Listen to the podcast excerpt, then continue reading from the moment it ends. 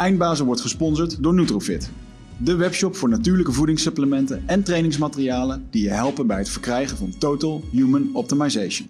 Nutrofit is hofleverancier van merken zoals Onnit, Natural Stacks en Bulletproof Coffee. Probeer onze producten zonder risico door onze money back guarantee. Bezoek ons op www.nutrofit.nl. Bestel je voor 9 uur 's avonds, dan zorgen wij dat jouw bestelling de volgende dag geleverd wordt. We hebben vandaag in de studio Robin Stevens.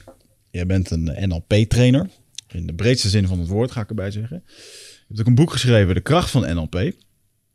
En ehm, dat vind ik dus wel interessant, want eh, NLP eh, is wel echt een dingetje in, nou, laat ik het zo zeggen, persoonlijke ontwikkeling in Nederland.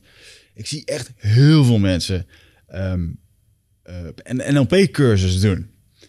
Alleen, ehm, ja, wat is nou precies NLP? Nou ja, Neuro-Linguistic Programming. Ehm, het, het, gaat echt over duizenden mensen in Nederland die hier uh, iets mee proberen te doen. Uh, dus je bent de eerste die in de studio is om hier wat over te vertellen.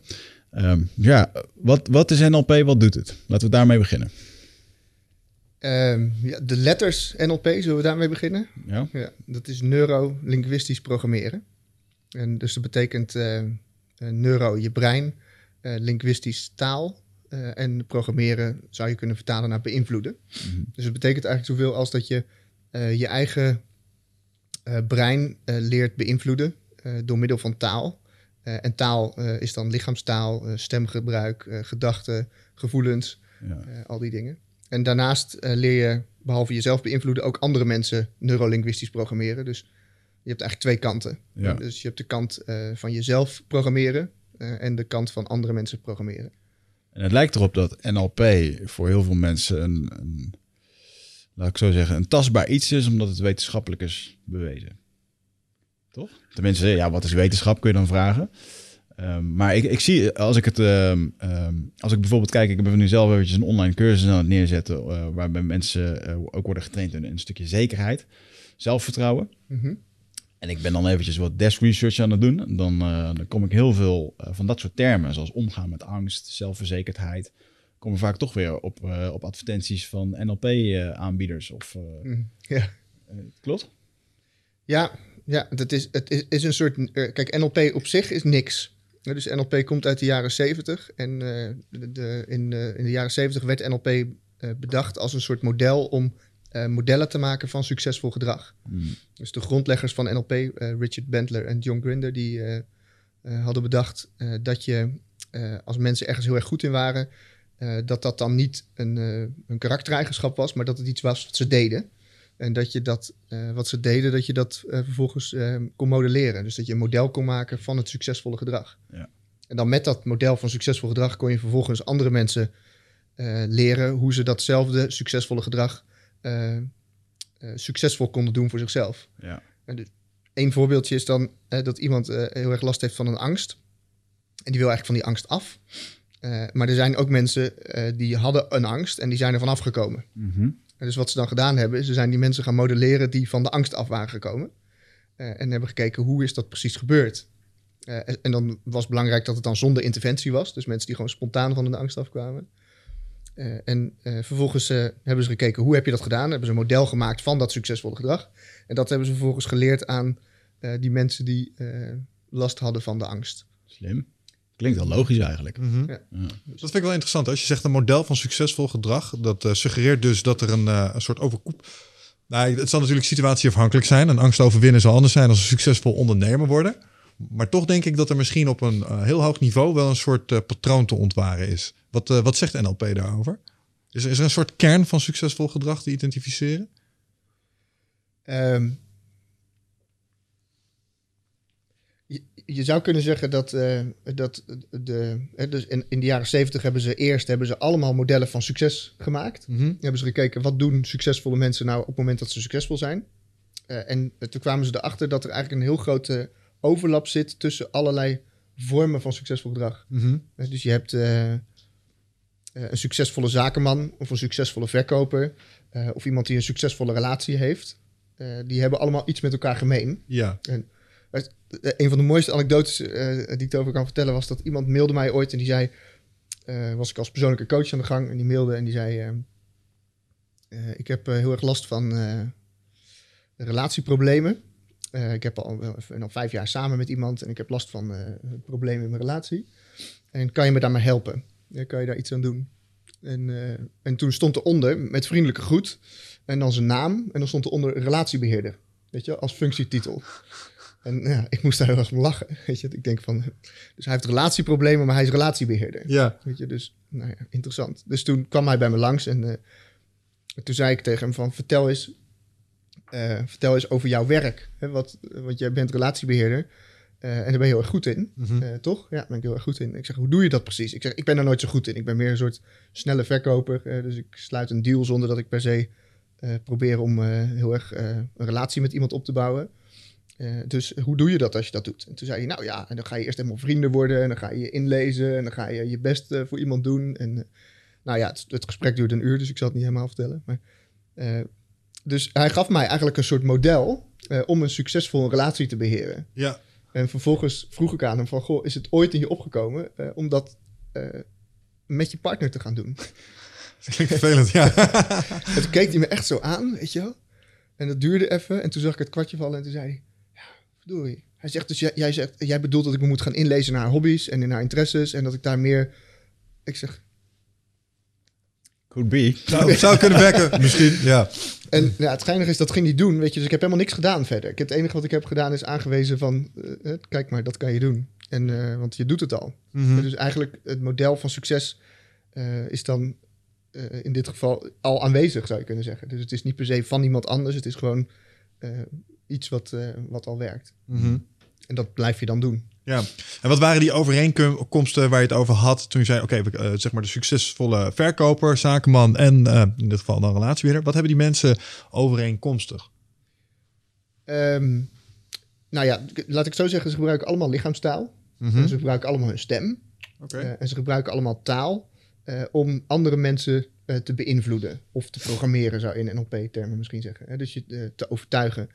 Ja, dus een succesvolle verkoper die gebruikt zijn lichaamstaal en zijn stem en zijn taal op zo'n manier eh, dat andere mensen eh, gaan doen wat hij zegt. Gaan Mhm. zijn product gaan kopen. En Mhm. een zakenman gebruikt het misschien om deals te sluiten. En iemand die een succesvolle relatie heeft, gebruikt het om eh, in zijn relatie goede communicatie te hebben. Mhm. Een leerkracht zou het gebruiken om goed les te geven. Dus dat zijn een soort basisingrediënten van communicatie. En wat bleek dat in bijna al die succesgebieden was het zo dat die mensen goed waren in, eh, in die elementen. Dus in stem, lichaamstaal, eh, taalpatronen. Eh, en daarnaast communicatie met zichzelf. Dus dat ze grip hadden op hun gedachten, grip hadden op hun gevoel. Mhm. en ook grip hadden op hoe ze omgaan met de informatie in hun hoofd. Ze waren dus eigenlijk uitzonderlijk goed in de innerlijke en externe communicatie managen voor Zo, zichzelf. Dat is een mooie samenvatting. Denk ik. Ja, nee, maar Ja. als ik hem samenvat, ja. Ja, dat is het. Ja. Wat ik grappig aan vind, is dat ik, ik zie een parallel. Ik heb ooit een keer een boek gelezen, 48 Laws of Power, van Robert Greene. Gaat over Machiavelliaans gedachtegoed en zo. En de, de, wat daar heel belangrijk bij is, is in alle voorbeelden is je vermogen om anderen te mobiliseren. Want, want macht in die definitie daar is jouw vermogen om invloed uit te oefenen op de loop der dingen en anderen hun gedrag te beïnvloeden. En daarmee kun je op posities van macht en jezelf verbeteren, et cetera, et cetera. En dan wil ik niet zeggen dat je NLP voor zulke oneigenlijke dingen moet inzetten. Maar wat je, wat je wel ziet is dat mensen die hun shit voor elkaar weten te krijgen, in dat ene stukje heel erg goed zijn. Namelijk het mobiliseren van die mensen om zich heen. Dus dat is wat ik jou hoor Ja, zeggen. ja, precies. De- door Ja. hun taal, door hun woord, Ja. weten ze mensen op een bepaalde manier iets te laten doen. Wat dan in hun voordeel is, weliswaar. Ja. Maar daar ligt wel de crux. Dat is het, ja. Oh, dat is interessant. En wat je dus ook ziet is dat de NLP van, ze- van, van de jaren 70 eh, ging vooral over het modelleren van succesvolle mensen. Kun je trouwens een microfoon iets dichter bij je mond houden? Iets dichterbij gaan staan? Ja, Niet aanraken. ja dit is... Nee, kan, Ja, kan het tegen. Ehm, zo goed? Ja, is perfect. Ja. Eh, Jaren 70? nou ja, precies. Dus in de jaren 70 ging het vooral over het modelleren van succesvolle mensen. Eh, en eh, vervolgens hadden ze allemaal modellen van succesvol gedrag. En eh, vandaag de dag eh, zie je dat eigenlijk de NLP-trainingen eh, niet zozeer gaan over het eh, aanleren van modelleren, eh, maar vooral over het leren van de technieken die gebaseerd zijn op de modellen van succesvol gedrag. Dus je hebt, eh, je hebt een set taalpatronen Ja. eh, waarmee je mensen positief kan beïnvloeden. Mhm. En of je nou leerkracht bent of verkoper of je relatie wil verbeteren, eh, die taalpatronen werken overal. Mhm. En dus je, hoeft, eh, je leert gewoon een model. En dan leer je dat vervolgens voor jezelf eh, Ja. in je eigen leven integreren. Dus je kan gewoon jezelf blijven. Dat wil ik eigenlijk zeggen. Kun je eens een glimp laten zien van zo'n taalpatroon? Als je Eh, zo'n techniek leert. Klinkt bijna alsof je zeg maar een vechtsporttechniek leert. Nou, e- een hele, een hele simpele eh, is ehm, eh, dat ze ontdekten dat eh, als mensen eh, dingen gedaan kregen, eh, dan was dat zo eh, omdat ze eh, mensen een reden gaven om iets te doen. En misschien heb je dat onderzoek eh, wel eens gelezen, eh, waar het, eh, wat ze deden was dat ze mensen in de rij zetten voor het eh, kopieerapparaat. Ja. En dan kwam er iemand achteraan de rij en die zei dan: hey, mag ik even langs? Eh, en eh, eh, vervolgens ging dat dan in 30% van de gevallen, zeiden mensen: ja, dat is goed. Mhm. Eh, maar nu deden ze het volgende: ze gingen mensen achteraan de rij laten aansluiten. Zeiden: ze, mag ik er even langs? Want ik moet kopietjes maken. Ja. Dus ze gaven een reden. En wat gebeurde er dan? Opeens ging het in 70% van de gevallen, lieten mensen er langs. Oh. Dus nou, hè, dat je kopietjes moet maken is natuurlijk logisch. Dus er, het is een non-reden. Maar het feit dat er een reden was, was al voldoende voor mensen om meer compliant te worden. Precies. Ja. Ah. Nou, dus een van die taalpatronen. Dus als je mensen, als je dingen van mensen gedaan wil krijgen, eh, dan is het heel simpel. Wat je gewoon doet, is je verzint een reden. Eh, en dan zeg je: ehm, wil je dit en dat even doen, want het volgende. Eh, dus als ik bijvoorbeeld tegen jou zeg: kan je misschien heel even gaan staan? Dan denk je misschien: huh, waarom? Maar als ik zeg: ik wil je heel even een demonstratie geven, dus kan je heel even gaan staan? Dan denk je: oh, Ja, ga ik doen. ja, ga ik doen. En dat, eh, we testen dat wel eens in trainingen. Dat is zo geinig, weet je. Dan zeg ik tegen mensen, nou, we gaan zo even een oefening doen. Eh, dus als je allemaal even je linkerhand eh, in de lucht steken. eh, en dan zie je dat iedereen gewoon doen. Weet je, omdat je dus hebt gezegd, we gaan zo een oefening doen. Dus als je je linkerhand in houdt. Het lijkt alsof die twee dingen iets met elkaar te maken hebben. Ja, ja, ja. Eén voorbeeld van één taalpatroon. En er zijn er veertig. Wel interessant. Weten we waarom dat is? Waar- waarom doen we dat ineens wel als we die reden krijgen? Is dat omdat we dan het snappen? Of, of vinden we het eng als we de reden Ja, niet het, eerste, begrijpen? het eerste wat er in mij opkomt, is als je zo'n zaal voor je hebt en je, zo, je vraagt, ik doe het zelf ook wel, dus je hebt een, eh, een evenement en je zegt, jongens, doe maar even je handen omhoog. Dan, dan zie je mensen in een soort schulp kruipen van, wat gaat er gebeuren? Moeten we Ah, ja, gekke ja, ja. dingen doen? Ja, er zit een soort van, eh, ja, toch een stukje veiligheid, denk ik. Ja, ja, het ja. wordt aangekondigd van, hé jongens, we gaan even een oefening doen. Oh, we gaan een oefening doen. Ja, ja, precies. ik- ja, het zou- En als ze dan weten wat de reden is, dan Ja. is er niks meer aan de hand. Maar met het voorkruipen in zo'n rij, waarom word ik... eh, stel, ik sta in die rij en je zegt, ik moet, eh, mag ik er langs? Dan zeg ik, nee. En dan zeg je tegen mij, mag ik langs? Want ik moet kopietjes maken. Waar, wat, wat is er dan wat bevredigd is, waardoor ik het nu waarschijnlijker doorlaat? Dat, dat probeer ik te snappen. Welk knopje drukken we hiermee in? Is het dan, oh, je hebt de moeite genomen om het mij uit te leggen... en dat, dat is een soort teken van respect en daarom doe ik minder koppig? Of, eh, oh, het zal wel belangrijk zijn... en ik weet niet wat er speelt in jouw leven... dus nu krijg je een soort coulance van mij? Ik ben benieuwd wat het dan is wat er dan aangaat. Ja, volgens mij komt het omdat we het idee van oorzaak-gevolg heel aantrekkelijk vinden. Ja, ja, oké. Ja, Ja. ja, ja, ja. Dus dat we, eh, als het. eh, eh, nou, hoe zeg je dat? Dus A zorgt voor B. Ja, dus, dus op het moment dat je, dat je mensen een reden geeft, dan voelen ze: oh ja, oké. ja. Zal, het zal wel kloppen. Zal wel Dit, Ja, want ja. je hebt nu de logica-check gezet bij mij. Dat Ja. is het meer. Je moet hem snappen. Ja, oké. Ja, interessant. Je doet eigenlijk alsof die twee dingen iets met elkaar te maken hebben. Mhm. En, dat, en daar zit natuurlijk ook een stukje stem in. Hè? Dus daar kunnen we, als we het toch daarover hebben, dan kun Ja. je, kun je, je, je, kan je, je kan het taalpatroon gebruiken, dus je kan een reden geven. Eh, en dan eh, kan je vervolgens ook eh, dat op een hele aantrekkelijke manier zeggen met je stem. Dus je kan zeggen, nou, eh, als jullie allemaal even gaan staan, eh, want we gaan zo meteen een oefening doen. Ja. Dan is de kans groter dan eh, wanneer je dat heel onzeker zegt of heel boos zegt. Of eh, nou, zoiets. ja, wat zijn daar optimale patronen in? Als je dan met je stem werkt. Want ik, heb, ik ken het ook wel. Soms zie ik mensen voor een groep staan en denk ik... "Oeh, dit wordt een hele, hele lange dag op deze manier. eh doe er wat aan. Nou ja, Maar ik weet dan ook niet precies wat ik moet uitleggen wat hij niet goed doet. Maar hij doet het niet goed, want het is niet inspirerend of te Hmm. stellig of wat dan ook. Wat zijn optimale spraakpatronen als je mensen optimaal mee wil krijgen? als je ze optimaal mee wil krijgen, eh, dan, eh, dan wat, wat sowieso werkt als je aan het eind van de zin omhoog gaat, is het natuurlijk een vraag. Ja. Als je zegt, is het duidelijk hoe dit werkt? Eh, dan stel je een vraag. Maar als je zegt, is het duidelijk hoe dit werkt? Ja. Eh, dan, heb je, dan hebben mensen meteen de neiging om eh, het ja te zeggen. Dus als je aan het eind van je zin naar beneden gaat, dan is het meer zo'n statement. Ja. Dus als ik zeg, nou, hallo, ik ben Robin Stevens en ik ben NLP-trainer. Ja. Dan twijfel je, klopt het wel? Ja, maar misschien staat hij ook wel bij de bakken broodjes te maken. Ja. Precies. En als je zegt, nou, ik ben Robin Stevens, ik ben NLP-trainer, dan, voelt het, dan voelt het echter. En als je dus zegt, we gaan zo'n oefening doen, dus als jullie allemaal even gaan staan, ja. dan, eh, zet, je het, dan zet je het neer, de informatie. Grappig is Dus dat. als je meer gedaan wil krijgen, is het volgens mij goed om informatie neer te zetten met je stem. En uiteraard moet je oppassen dat je niet te ver doorschiet, dat het niet eh, te directief wordt, eh, te autoritair. Ja. Maar dat zijn wel van die grappige patroontjes. En dus als- jullie staan ook veel voor groepen, toch? Ja. Ja, dus als je dan een, als je een vraag stelt en je zegt, zijn er nog vragen? En je doet je wenkbrauwen omhoog, eh, je handen open en je stem omhoog, dan gaan mensen vragen stellen. Ja. Maar doe je, zeg je, eh, zijn er nog vragen? Wenkbrauwen naar beneden, handen naar beneden en je stem rechtdoor. eh, dan zeggen de meeste mensen niks meer. Ja, Ik zit me net af te vragen hoe dit relevant is voor mij. Maar ik ben bang dat ik in die categorie val die naar beneden gaat en misschien iets te stellig is. En dan zit ik te denken, dan heb ik een, nog zo'n eentje van, eh, van... Nou, volgens mij is dat wel duidelijk. En dan, en dan doe ik, komma, Ja, toch?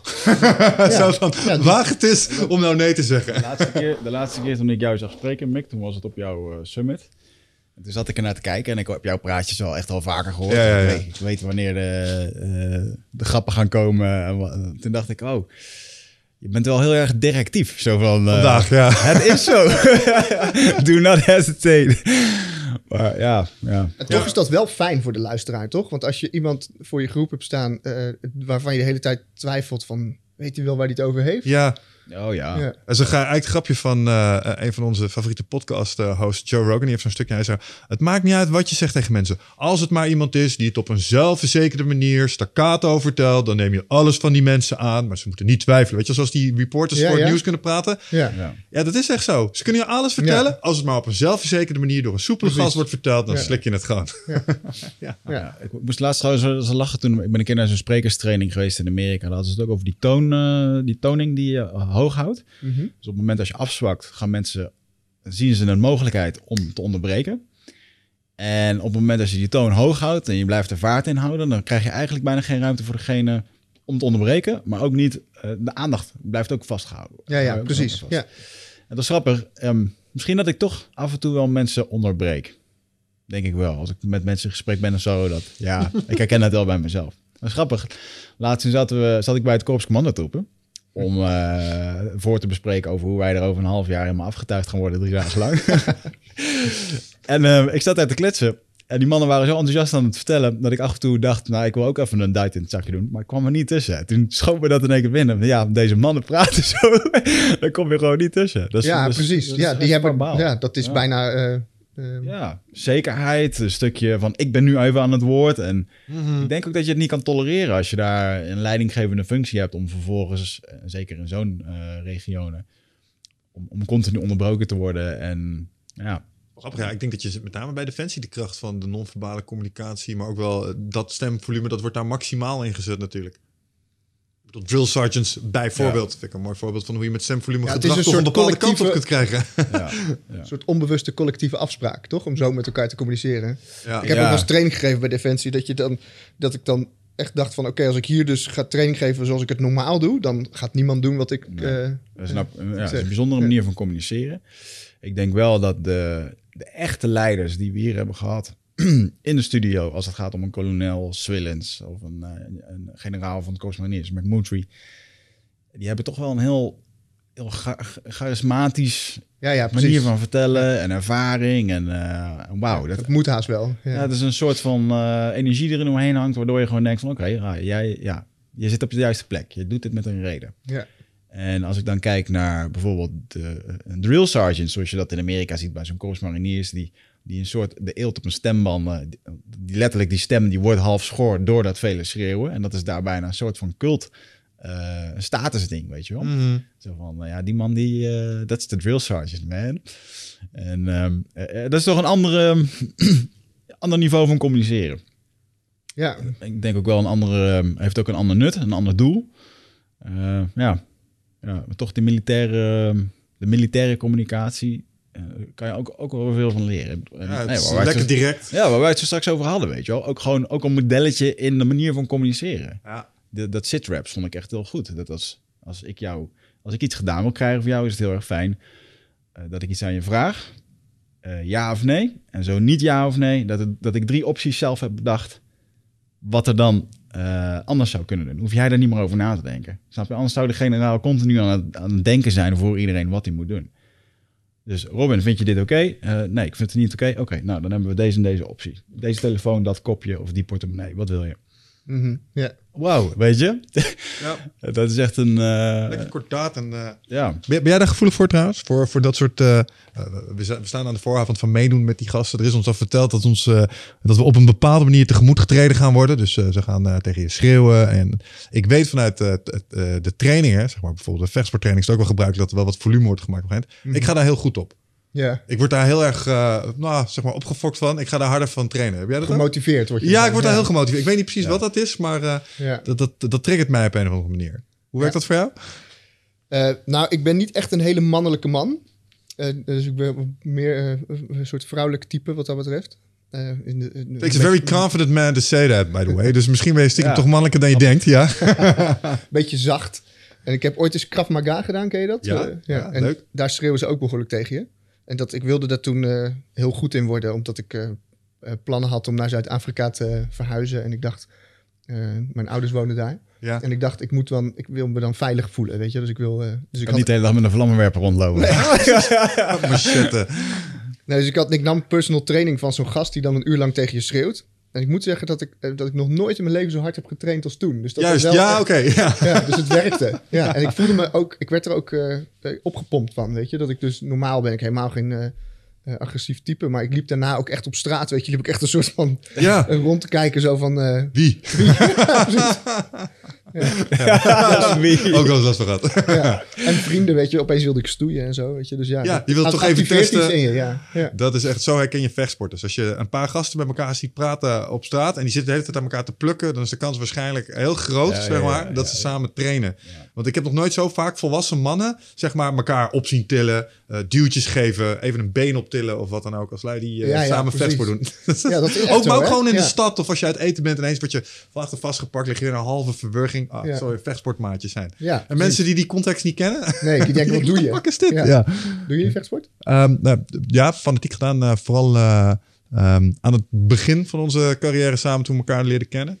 Nog steeds eh, één of twee keer per week proberen te doen. Maar het mag niet meer van eh, Noël, onze personal trainer. Oh, We moeten, we moeten nu aan de bak. Dus eh, krachttraining, zwemmen, oh klimmen. dingen. precies. Ja. Maar ik probeer het wel een rode draad door mijn leven te laten zijn. Ja. Ja, ja, dat heeft een heel ander effect op je. Hè? Dat, ik zwemmen doe ik ook veel. Dan, dan krijg je toch veel meer eh, energie of zo. Min- minder dat eh opgepompte, maar meer dat... eh, Ja, zwemmen is sowieso supergoed ook voor je hele gestel. Dus eh, jij zwemt veel? Ja.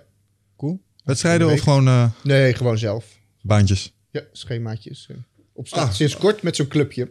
Die dan wel harder zwemmen. Ja, maar moeten, wedstrijden. wij moeten dat binnenkort ook. Maar eh, hoe werkt dat? Gewoon eh, ba- baantjes trekken en dan eh, zwem je een kilometer? Of eh, wat is... eh, Ja, ja, bij ons in Amersfoort heb je zo'n, eh, hebben ze van die schemaatjes waar je um, borstkrol zwemt. En, eh, en dan weer eh, met zo'n plankje en dan weer met zo'n ding tussen je... Zo'n plankje, dude, dat is lang geleden. Ja, dat is super pittig. Dat is echt de eerste baantjes die je daarmee doet, haal je de overkant niet. Tenminste, ik weet niet of het nu over hetzelfde Ik weet nog, toen ik zwemles had, toen kreeg je zo'n plankje, dan moet je vasthouden. Ja. En dat hield je kop boven water. En dan moest je ki- kikken vliegtuig potlood moest je doen. Toen was, het, toen was, het, toen was jij... net iets anders. Toen was, maar- jij nog, toen was jij nog niet zo zwaar dat het plankje naar onderen werd geduwd. Ja, ja, ja, ja, Het plankje ja, zorgde nee, dat ervoor dat ik, jij ja. hier kon zitten. Ja. Ja. Nee, ik dit is meer om je benen te trainen. Dus je Oh. doet borstkrolbenen, zeg maar. Dus je Ja, ja, ja, plankje ja. voor je en dan trappel je, gewoon met je, oh, trappel je gewoon met je benen. Maar je mag je armen niet gebruiken daarbij. Dus je mag geen boskrol maken, je houdt gewoon een plankje voor je en dan... eh, Klopt. oh, Ja, en dat is echt heel zwaar. dat snap ik. Ja. Maar krijg je wel sterke benen van. Ja, gaaf. Ja, goede manier om, eh, om eh, fit te Ja, worden. het wordt het, langzaamaan als je boven de 30 bent, dan word je, moet je een beetje Ja, dat toch? snap ik. iets gaan doen. Maar dat vind ik wel interessant, want ehm, ik denk dat dat iets is waar NLP Poach ook een waarde heeft voor ons. Omdat ehm, nou, we moeten nu gaan trainen en ik eh, herken eh, inmiddels best wel wanneer mijn eh, geest een beetje weerstand begint te genereren op onderdelen. Mhm. Oh, fuck zwemmen. Oh, klimmuur. Hoogte vind ik niet, niet super enthousiast van. Ik ga het Nee. fixen, maar leuk vind ik het niet. Ehm, dus ik heb een interne monoloog. Ik ben al, het onderhandelingsproces is al begonnen met mezelf. Snap je? En ik denk dat NLP, dat heeft ook, dat zei je er straks al, te maken met je interne gedachteproces. Ja. Ehm, wat zijn technieken die jij inmiddels vanuit eh, je lessen en, en- want je bent veel breder als NLP. Ehm, je, hebt, je hebt ook andere gurus, eh, daar heb je kennis op gehad. Wat zijn technieken om, om dat spel beter te spelen? Want dat is iets, daar gaan jij en ik binnenkort echt allebei eh, snoeihard in terechtkomen. Ah, nou, ik heb die Cooper-test. Die Cooper-test die, die heb ik al een aantal keer niet gehaald in het verleden. Dus daar zit bij mij wel een dingetje op. Ik ben geen eh, natuurlijke loper. Zoals ik tegen Noël zei. En Noël zei, jij bent een soort antiloop, maar dan niet het dier. Allemaal van, alleen van die one-liners, die gast ook, hè. Maar inderdaad, dus ik... eh, hey, joh, we zijn nu een half jaar vooruit. En ik, eh, ik merkte gewoon dat ik er nu al... Hey, je zit er over na te denken, weet je wel. Ja. We hebben een of ander uh, bliepend horloge gekocht... wat alles meet en doet. En eh, Nou, ja, heb je er ook een? ja, ja, dat moest. voor mij was, voor mij was het een moetje. kan van alles, piept veel. Ja. Ehm, maar goed, eh, zolang ik eh, nog geen... Ik heb zelf nog geen nieuwe horloge, dus... Maar hoe spelen we dat eh, proces? eh, want we gaan onszelf daarin tegenkomen. Wat kan NLP en potentieel andere technieken die je hebt geleerd ons eh, leren om dat beter te doen? En wat precies beter te doen dan? Nou, bijvoorbeeld ehm, zwemmen. Ik moet straks gaan zwemmen op zondag. Maar ik heb het zaterdag laat gemaakt. Ik heb geen zin in zwemmen. Nou, is er een interne monoloog die gaat bepalen of ik wel of niet ga zwemmen. En er zijn vast technieken om dat spel beter te spelen met jezelf. Ja. Weet je, wat, ik denk dat het heel persoonlijk is, maar wat voor mij eh, persoonlijk goed werkt, is eh, dat ik het gewoon in mijn agenda heb staan. Mhm. En dat ik gewoon weet dat ik ga. Dus, dus iets, iets weet dat maar, ik ga. maar dat, dan- daar, zie, je- daar, daar getuigt al. Dat, jij hebt een intern gedachteproces Mhm. dat dan sterker is als gemiddeld. Want jij kan iets wat ervoor zorgt dat als dat ding dan aanbreekt, die reminder van hé, hey, je moet trainen, dat je ook daadwerkelijk gaat. Want er zijn genoeg mensen die dat zo, en die zitten nu, ja, ja, ik plan dat ook wel eens in, maar daar ga ik niet. Weet je wel, dat is een soort eh, fuck you naar je agenda op het moment dat de tijd daar is. Ja. Dus, dus daar moet je wel ergens een paar stappen maken in je hoofd. En misschien maak je ze zo makkelijk voor jezelf dat je het dan niet eens meer door hebt. Maar wat vertelt NLP daarover? Nou, ja, weet je, het beg- het begint met dat je, eh, dat je een bepaald doel hebt op de lange termijn. Mhm. En dat eh, werkt voor mij persoonlijk heel goed, maar dat is ook een NLP-manier. En, eh, dus de, ik heb bijvoorbeeld me aangemeld voor een triathlon. Mhm. Zo'n kleintje, 1 achtste. En ik, ik ben totaal geen sportief type van huis uit. Dus ik heb geen... tot een paar jaar geleden sportte ik nooit. En dat, eh, dus ik heb dat echt mezelf gedacht van... Oké, ik wil fit blijven, weet je. Ik wil eh, fit ouder worden. Dus Ja. ik ga daar goed eh, voor zorgen. En dus het begint met dat je een plaatje maakt dat je fit ouder wordt. Hè, dus ik ben nu 36. Mhm. Eh, hoe oud ben jij? Ik ben 39. 39. Ja. Ja. dus dan, dat je, stel dat je zegt, nou, ik wil over 30 jaar, als ik 70 ben, dan, wil ik, dan wil ik fit zijn. hè. Dus je Mhm. maakt een plaatje van jezelf, van fitte, eh, fitte versie van jezelf. Dus je ziet jezelf als 70 en je ziet jezelf gewoon fit zijn. Weet je, stralen van 200 kilo deadlift. Als je 70 bent. Dat lijkt me een mooi streven. Dat is, dat is iets anders dan fit misschien, maar ah, nou ja, ja, ja nou, je bent wel sterk als je kan. Ja, ja precies. Ja. Is extreem fit. Ja, dus je maakt echt zo'n plaatje dat je, dat je jezelf ziet in de toekomst. Dat je denkt, daar wil ik naartoe. Eh, eh, over 30 jaar. Hè, dus het is een heel lange termijn doel. En dan vervolgens ga je terug in de tijd. En dan ga je bedenken van, oké, wat betekent dat voor de aankomende jaren? Dus hoe, wat betekent dat over 15 jaar? Wat betekent dat over 5 jaar? Mhm. Net zolang tot je denkt van, oké, eh, wat betekent dat vandaag? En, en eh, eh, als het goed is, eh, dan word je blij van het plaatje van over 30 jaar, als je 70 bent, jezelf fit zien. Eh, dus in mijn trainingen vraag ik wel eens, als, als ik het tegen mensen zeg van, oké, maak een plaatje over 30 jaar en er is iemand 50, weet je, dan zie je ze meteen vertrekken. Weet je, en dan denk ik ja. aan dat ze 80 zijn, weet je. Maar dan denk ik, het plaatje van als je 80 bent, kan er ook leuk uitzien. Jazeker. Ja. Dus, dan, dus het is jouw onbewuste plaatje wat je hebt, eh, waarin je jezelf niet fit ziet zijn. Mhm. eh, wat veroorzaakt dat je niet wil gaan. Ja. Ja. Dus als je stelt dat je dat omdraait. En dat je zegt, ik ga dus een plaatje maken wat zo aantrekkelijk is. Dat ik denk, ja, daar wil ik heen.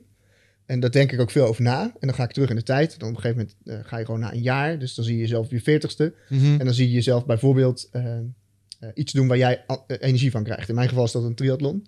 Dus dan denk ik van, nou, mij lijkt het tof om dat te gaan doen. Weet je, om zo'n 1 achtste moet ik even bij zeggen. Voordat mensen allemaal verwachtingen hebben. Verwacht. Ironmans. Ja, precies. Voor mij is dat al heel wat. Dus dan zie ik mezelf dat 1 achtste triathlon lopen en, Mhm. en zwemmen en fietsen. Eh, met energie en met plezier, et cetera. En dan ga ik terug in de tijd. Dan denk ik, oké, dat betekent dus dat ik moet gaan zwemmen. Ja. En dan moet ik, dat ik moet gaan hardlopen en dat ik moet gaan fietsen. Want als ik dat niet ga doen, dan kom ik daar niet. Dus dan, eh, dat zit, het is, zijn een soort, zijn dus, is niet één plaatje op zondag in je agenda. eh, of op zaterdag in mijn geval. maar het zijn, eh, het zijn er een heleboel achter elkaar door. ja. Eh, en zo zie je dat steeds dichterbij komen. Waarom is het zo belangrijk om eh, dat ehm, niet negatief te framen? Omdat ik ook wel eens een keer heb gehoord dat het helemaal geen kwaad kan om na te denken over dingen die je echt niet meer wil in je leven. Dus als jij een doel stelt, bijvoorbeeld je hebt een BMI-uitdaging, je bent gewoon moddervet. Mhm. Eh, en je zegt, ja, ik wil gewoon niet meer moddervet zijn. Snap je? Ik wil Ja. gewoon niet meer me zo, zo voelen zoals ik me nu voel. Ik wil niet twee treden oplopen, moeten stoppen voor een adempauze. Waar, waar- waarom is het dan beter om te zeggen, want, want dat, die pijn die wil je vermijden, want dat voelt op een bepaalde manier. Ehm, waarom is het dan toch krachtig om te zeggen, nou, ik wil graag slank zijn in plaats van niet meer de pijn van het eh, overgewicht? Nou, eh, wat je zegt is wel waar. Weet je, je kan die pijn die je vermijdt, die kan je wel gebruiken. Hmm. Eh, dus je kan het, als, je, als je een goed doel maakt vanuit NLP-oogpunt, dan zorg je ten eerste dat je weet wat je wil in plaats van wat je niet wil. Mhm. Maar zodra je dat hebt, hebt ingebeeld, hè, dus stel dat je zegt, nou, ik wil, ik wil niet 10 kilo afvallen, maar ik wil bijvoorbeeld 60 kilo wegen. Ik verzin maar iets, weet je. Ik wil 60 kilo wegen en ik wil fit zijn en ik wil me goed voelen. En dan zeg je, wat zou er gebeuren als ik dat heb, als ik het heb bereikt? Hoe zou dat eruit zien? Hoe zou het voelen? Hoe zou het klinken? En, eh, nou, et cetera. Net zolang dat je denkt, ja, daar krijg ik echt een goed gevoel van. hè. Mhm. En dan vervolgens kan je jezelf ook de vraag stellen, wat zou er gebeuren als ik het niet doe? Ja. En, en dan krijg je die pijn. Hè, Dus dan zeg je, oké, stel dat ik zo blijf leven als nu. eh, wat gebeurt er dan? En niet per se eh, op de korte termijn, maar wat gebeurt er misschien wel op de lange termijn? Ja. Dus dan eh, gebruik je die pijn. Dus dan heb je aan de ene kant vermijd je pijn... en aan de andere kant ga je naar plezier toe. Ja. Dus dan heb je, eh, in het Engels noemen ze het een propulsion system. Dus het duwt je van achteren en het trekt je naar voren. Ja. En dat is wat mij betreft het meest ideale. Ja, ja ik, heb het, ik heb het hier ook wel eens in een podcast met, iemand, met, met iemand anders over gehad. En die zei ook van ja, soms moet je om voorwaarts te gaan, moet je dingen tegemoet treden die een beetje eng zijn. En dan is het verdomd handig om iets achter je te hebben staan dat net iets enger is. Snap je? Dus, eh, dus Zeg nog eens. nou, om voorwaarts te gaan, dus om je doel te halen, moet je misschien enge dingen doen. Dus, eh, of, of zware of pijnlijke dingen. Bijvoorbeeld, je moet, eh, stel je wil je BMI-uitdaging tackelen, je moet regelmatig naar de sportschool. En dat is niet zo'n leuk vooruitzicht. Dat doet een beetje zeer, want je weet dat wordt ongemakkelijk. Je gaat spierpijn krijgen, de- het, onge- het sociale ongemak van daarmee starten. En dat, dat houdt mij tegen. Maar dan kan die visie van wat je te wachten staat als je niet gaat bewegen. ja. Bijvoorbeeld, ja, dan eh, word ik, eh, ga, ga ik jong dood en ga ik heel veel pijn en mijn gewrichten gaan eraan. eh, organ failure, niet prettig, whatever. En die angst die is dan net, net groter als, als de angst voor het ongemak van het trainen. En dat kun, kan je dan gebruiken Ja, ja. om, om Ja. toch, Ja, toch door te gaan. Zo werd dat toen uitgelegd. Maar ik hoor je eigenlijk precies hetzelfde zeggen. Ja, ja. Geinig. In dat kader. ehm, wat mij wel eens is geleerd is dat mensen die coachen eigenlijk pleisters op hun eh, eigen wonden aan het eh, eh, plakken zijn. Ehm, de meeste coaches, mensen die in een bepaald domein erg goed zijn geworden, hebben ook wel een beetje hun eigen reis daarin meegemaakt. Is dat voor jou ook zo? Zijn, zijn de technieken die je zelf hebt eigengemaakt pleisters voor jezelf geweest? Ehm, ja, mijn interesse in persoonlijke ontwikkeling kwam wel echt voort uit de behoefte aan persoonlijke ontwikkeling. En, eh, gewoon uit noodzaak. Ja, ja eigenlijk wel. Ja. Want wat, eh, wat heb je voor je kiezen gehad? Nou, ehm, laat ik zo zeggen, tot mijn twaalfde ging alles best goed. Ja? En, eh, dus tot ik naar de middelbare school ging. En toen op de middelbare school kwam, toen kwam ik erachter dat school echt niks voor mij was. Hm. En dus de, de schoolperiode was een soort drama-periode. Met, eh, waar ik eh, op best een hoog niveau begon, eh, maar vervolgens nooit naar school ging. Dus al snel afzakte naar een eh, lager niveau. En Ja. toen een nog lager niveau. En op een gegeven moment binnen twee jaar van school werd gestuurd. En toen naar een andere school en daar ook weer vanaf werd gestuurd. Ja. Nou ja, en zo tot mijn twintigste eh, maakte ik er echt een potje van. Wat, wat is dan het, ged- wat is dan het, dat heb ik me altijd afgevraagd. Ik heb, iedereen heeft dit soort jongens of meisjes in zijn klas gehad. Er zaten altijd Ja. één of twee rebellen in. ik ken er nog een paar. Ik ken nog eh, Jennifer van vroeger. Dat was echt, eh, die, die stond op de tiende gewoon in de hoek eh, achter een gordijn met de middelvinger naar de juffrouw. Weet je wel? Ja, ja, ja. Zo, oh, oké. Hoe is het met Jen inmiddels? nee, maar gewoon, dus er zijn wel een aantal namen waarvan ik denk van, oh ja, nou, die hadden wel, en achteraf wel allemaal goed terechtgekomen. Toch Als wel, ik ja, nu een beetje op Facebook zo zie, dan ze leven nog en ze lachen. Ehm, maar wa- wat was het dan dat jou triggerde op dat moment dat je 13 was, dat je dacht, fuck it, ik ga dit gewoon echt allemaal niet doen. Ik ga lekker tegen de richting in.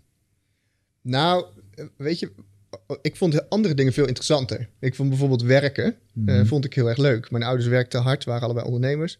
En eh, ik, eh, ik, ik kon op mijn dertiende kon ik voor het eerst een baantje krijgen bij een restaurant. En ik vond het heel leuk om het hele weekend te gaan werken. Ja. Dus ik ging vrijdag, die baas, dat was toen nog allemaal makkelijker. Dus die zei gewoon, zeg het maar als je moe bent. Wat resulteerde in werkdagen van 15 uur. Ja, maar dat kan je best En- hebben als je 13 bent. Ja, toch? Ja hoor. En mijn vader bracht me en haalde me op, want het was ergens in het midden in het bos. En eh, weet je, ik vond dat prachtig. En Ja. dat vond ik leuk om te doen. Ja. En eh, ja, maar er werd van je verwacht dat je naar school ging. En dat je dingen leerde die ik niet interessant vond. Ja. en eh, tot op de dag van vandaag eh, ben ik het daar ook nog een soort van mee eens. Dat ik denk van hè, de dingen die mensen leren in die leeftijdsfase zijn voor het grootste gedeelte van je leven helemaal niet meer bruikbaar. Nee. En de dingen die ze niet leren, eh, die hebben ze juist het meest nodig. En dus eh, vandaar dat ik uiteindelijk natuurlijk ook deze richting, eh, Ja. dat ik het heel leuk vind om hier les in te geven. Wat waren dingen die je toen nodig had die ze je niet leerden? Waar zat het gat? Ja, goede vraag. Weet je, weet ook niet of dat. eh, Ah, gevoelsmatig. Kijk, wat ik, wat ik eh, omga met emoties bijvoorbeeld, Mhm, mhm. hè, waar, je, waar je enorm mee, mee om te maken krijgt in je puberteit, dan denk ik, joh, had iemand me maar geleerd wat ik nu vanuit NLP weet, hoe je met emoties om kan gaan. Of had iemand me maar leren mediteren, zodat ik die chaos in mijn hoofd kon ordenen. Eh, of eh, wat is een NLP-ding wat je eh, alle, zeg maar, eh, nou, alle voortgezet onderwijsleerlingen zou gunnen? Het omgaan met gevoelens. Ik kan me die periode ook nog wel herinneren. Dat was een turbulente tijd. Dus ik kan me ook wel voorstellen dat als ze me daar wat, wat mindfulness trucjes hadden geleerd, dan had ik wel wat aan gehad. Wat, wat zou je ze meegeven? Als je nu alle, alle Nederlandse leerlingen voor je had. Oké jongens, vanaf vandaag doen we dit. Nou, weet je, eh, ik denk dat eh, je, je identificeren met je gevoel, Mhm. eh, dus iets voelen en dan denken dat het echt is, dat is niet alleen voor kinderen en pubers waar, maar dat is voor iedereen waar. Dat, dat, is, dat is enorm. Hè? Dus je voelt iets en je denkt, ik ben dit gevoel. Hè, Mhm. dus je voelt onzekerheid en je denkt, ik ben onzeker. Mhm. En als iemand me had geleerd dat onzekerheid maar gewoon een gevoel is. En dat je dat gewoon kan omdraaien, bijvoorbeeld. Dat je dat gewoon kan loslaten. Dat je je eigen gevoel dus niet serieus hoeft te nemen. Nou, dat is wel echt, dat zou wel heel waardevol zijn. Ja. En dat merk ik ook, want we krijgen wel eens pubers die dat leren. En eh, bij mij in de training, of eh, toen ik nog veel coaching gaf, eh, ook. En dan zie je gewoon dat ze dat, dan gaat echt een soort deur voor ze open. Zo van, oh, dus het is allemaal eigenlijk niet echt. Hoe leer je ze dat? Ja, ja, het is moeilijk om het even kort samen te vatten. Dus een lange, lange versie. Ja, nou ja, ik, ben, eh, ik ben heel benieuwd hoe je iemand zeg maar, in die fase van zijn leven... ehm, eh, want als je het hun kan uitleggen, kun je het ook volwassenen waarschijnlijk wel uitleggen. Zeker. Zo gek krijgt om zich niet te identificeren met het gevoel en dat loslaten. Want gewoon even loslaten, nou daar zeg je nogal iets in één zin. Dat is denk ik het moeilijkste wat een heleboel mensen nu op dit moment in hun leven hebben. Een bepaald iets op een bepaalde manier loslaten. Ja. Dus als je dat bij die mensen tussen de oren weet krijgen, ben ik wel heel benieuwd hoe je dat doet. Nou, het, het begint eigenlijk met dat ze... Dus wat, wat iemand tegen mij zegt, die zegt, ik ben onzeker. Ja. Bijvoorbeeld. Eh, en dan is de vraag eigenlijk... eh, eh, ik maak er soms een stom grapje van. Dan zeg ik, eh, oh, hallo, onzeker, ik ben Robin. en, niemand vindt het echt heel grappig, maar... Het breekt het ijs in dan. Ja, ja, Precies. we snappen hem. Ja. En, en maar dan zeg ik, dan zeg ik nee, nee, ik ben niet onzeker. Ik ben eigenlijk eh, eh, Naomi of zo. Weet je? Ja. En dan zeg ik, oké, hoi Naomi. Ik zeg, je zegt, je zegt iets over onzekerheid. Waar, waar voel je dat dan? Weet je, of, of hoe merk je dan, hoe weet je dan dat je onzeker bent? En dan zeggen ze, dat voel ik. En dan vervolgens zeg ik, oké, waar voel je dat dan? Eh, en dan zeggen ze, ja, voel ik eigenlijk hier, weet je, voel ik in mijn buik of in mijn borst of zo. Dan zeg ik, oké, dus, je, ja, dus je staat op school. Eh, en want ben je altijd onzeker? Nee, ik ben niet altijd onzeker. Weet je? Dus het is, dus ik ben alleen op school, weet je, alleen op dit moment. Oké, waar dan precies en wat gebeurt er dan precies? Zegt ze, oké, dus ik sta bijvoorbeeld, ik moet voor de groep, ik moet een spreekbeurt geven. eh, en ik voel onzeker gevoel in mijn buik. Ja. Weet je, en, eh, en vervolgens komt er een soort interne dialoog op gang. En die zegt, eh, wat ben ik ook een of weet ik veel. Hmm. En zo nou, breidt zich dat uit. En dan komen er allemaal plaatjes in mijn hoofd van ideeën dat ik nog vaker onzeker ga zijn. En ik ga me steeds weer dat filmpje herinneren van dat het allemaal misging. Ja. En dus wat je eigenlijk hoort is dat, dat die emotie, die ze eerst koppelde aan de identiteit, dat het eigenlijk een proces is. Dus het is eigenlijk iets wat je doet. Dus je denkt beelden in je hoofd, en je denkt gevoelens en Mhm. eh, je denkt gedachten en je voelt gevoelens. En, en zo veroorzaak je dus eigenlijk je eigen onzekerheid. Nou, als mensen dat gaan inzien, als ze gaan inzien van eh, of dat nou kinderen zijn of volwassenen, maakt niet uit. eh, dan, dan kunnen ze dus een soort pauze inlassen tussen twee momenten. En zeggen van, oh wacht eens even, daar heb je weer dat onzekere gevoel. Maar ja, het is maar een gevoel. Mhm. En heel simpel, met je aandacht er naartoe gaan kan al ruimte creëren. Dus op het moment dat je onzekerheid voelt eh, en je, je voelt het in je lijf en denk je, ja, dit is onzekerheid. Zo voelt onzekerheid. Weet je? Mhm. het, voelt, het voelt zwaar of het voelt samenknijpend of zo. Soms is alleen dat al genoeg. Weet je? En dat je gewoon denkt, gelukkig, weet je, ik, ik, mag, ik kan gewoon onzekerheid voelen eh, zonder dat er verder iets verandert. En vanuit NLP voeg je er dan nog iets aan toe. En dan zeg je eigenlijk ook, ik voel onzekerheid in mijn buik. En dat maakt een samenknijpend gevoel. Eh, en dat gebeurt me. Eh, maar in plaats van dat ik het nu laat gebeuren, maak ik het open. Dus ik ga expres ga ik het in de tegenovergestelde richting bewegen. Mhm. En de onzekerheid zijn we al lang vergeten, weet je. Dus we zijn inmiddels zijn we bezig met een soort gevoel in je buik, Ja. wat we aan het beïnvloeden zijn. En dus het wordt veel minder een concept en veel meer iets tastbaars waar je zelf invloed op uit kan oefenen. Ja, je, je, je, kleeft het niet meer aan je persoonlijkheid vast. Precies. Het is gewoon Ja. iets, net zoals maagpijn. Of ik heb hoofdpijn, kun je ook een paracetamolletje tegennemen. Ja, ja. Het is een ervaren ongemak waar je iets mee kan. Ja precies. En waar je dus invloed op hebt. Mhm. Ja. Wat, Ja. Je, eh, ja, wat dus ni- inderdaad niet onderdeel is van wie je bent, eh, maar gewoon iets is wat je voelt. Ja, Het is gewoon een energie die je, die je kan transformeren. eh, mits je weet hoe dat, dat moet. is dat iets wat je mag Maar- verwachten van mensen? Nou, is wel heel lastig, want ik wou het hier net over hebben. Ik bedoel, ik, ik nou ja, voor de luisteraar, de luisteraar zal zeggen, Wigert, jij bent best wel eh, veel hiermee bezig. Je weet hier wel van. Eh, Ik heb een vriendinnetje die super gevoelig is, die zit langs mij en die heeft eerder in de gaten wat er met mij aan de hand is dan ik zelf. Oh, ja. En ehm, eh, daarvoor heeft ze dan ook de bewustzijnsschool in Amsterdam. Maar goed, die heb ik uitgekozen als, eh, als grote spiegel voor mijn leven. Maar, ehm, eh, en dan krijg ik ook wel vaak gevraagd. Dus dan vraag ze van, wat voel je dan? En soms vind ik het echt super moeilijk om überhaupt... A, is, is voelen voor mij een heel nieuw ding. Want ik heb mezelf aangeleerd door ook een moeilijke jeugd. Door, tot mijn 28e trok ik een schild omhoog. Er kwam niemand omheen. Mhm. Als iemand lag te klagen om zijn problemen, dan, eh, dan kreeg hij of de wind van voren dat hij niet moest klagen. of ik zelf sloeg dicht en dan ging ik maar gewoon weg, want dan was dat veel te pijnlijk. En eh, dus ik eh, probeer dat ook wat te openen. Probeer meer naar dat gevoel te gaan. Van, als ik me dan een keer rot voel, probeer ik dat ook van ja, wat voel je nu eigenlijk? En, eh, en soms merk ik ook nog dat ik, dat ik mezelf niet helemaal toelaat om te voelen. Omdat ik dat misschien wel ergens eng vind. Of dat het ja, misschien nog, toch nog wel een pijnlijk verhaal is. in sommige dingen. Is dat herkenbaar? En eh, is het herkenbaar bij de mensen die jij traint? Dat, dat mensen het lastig vinden om bij een gevoel te komen?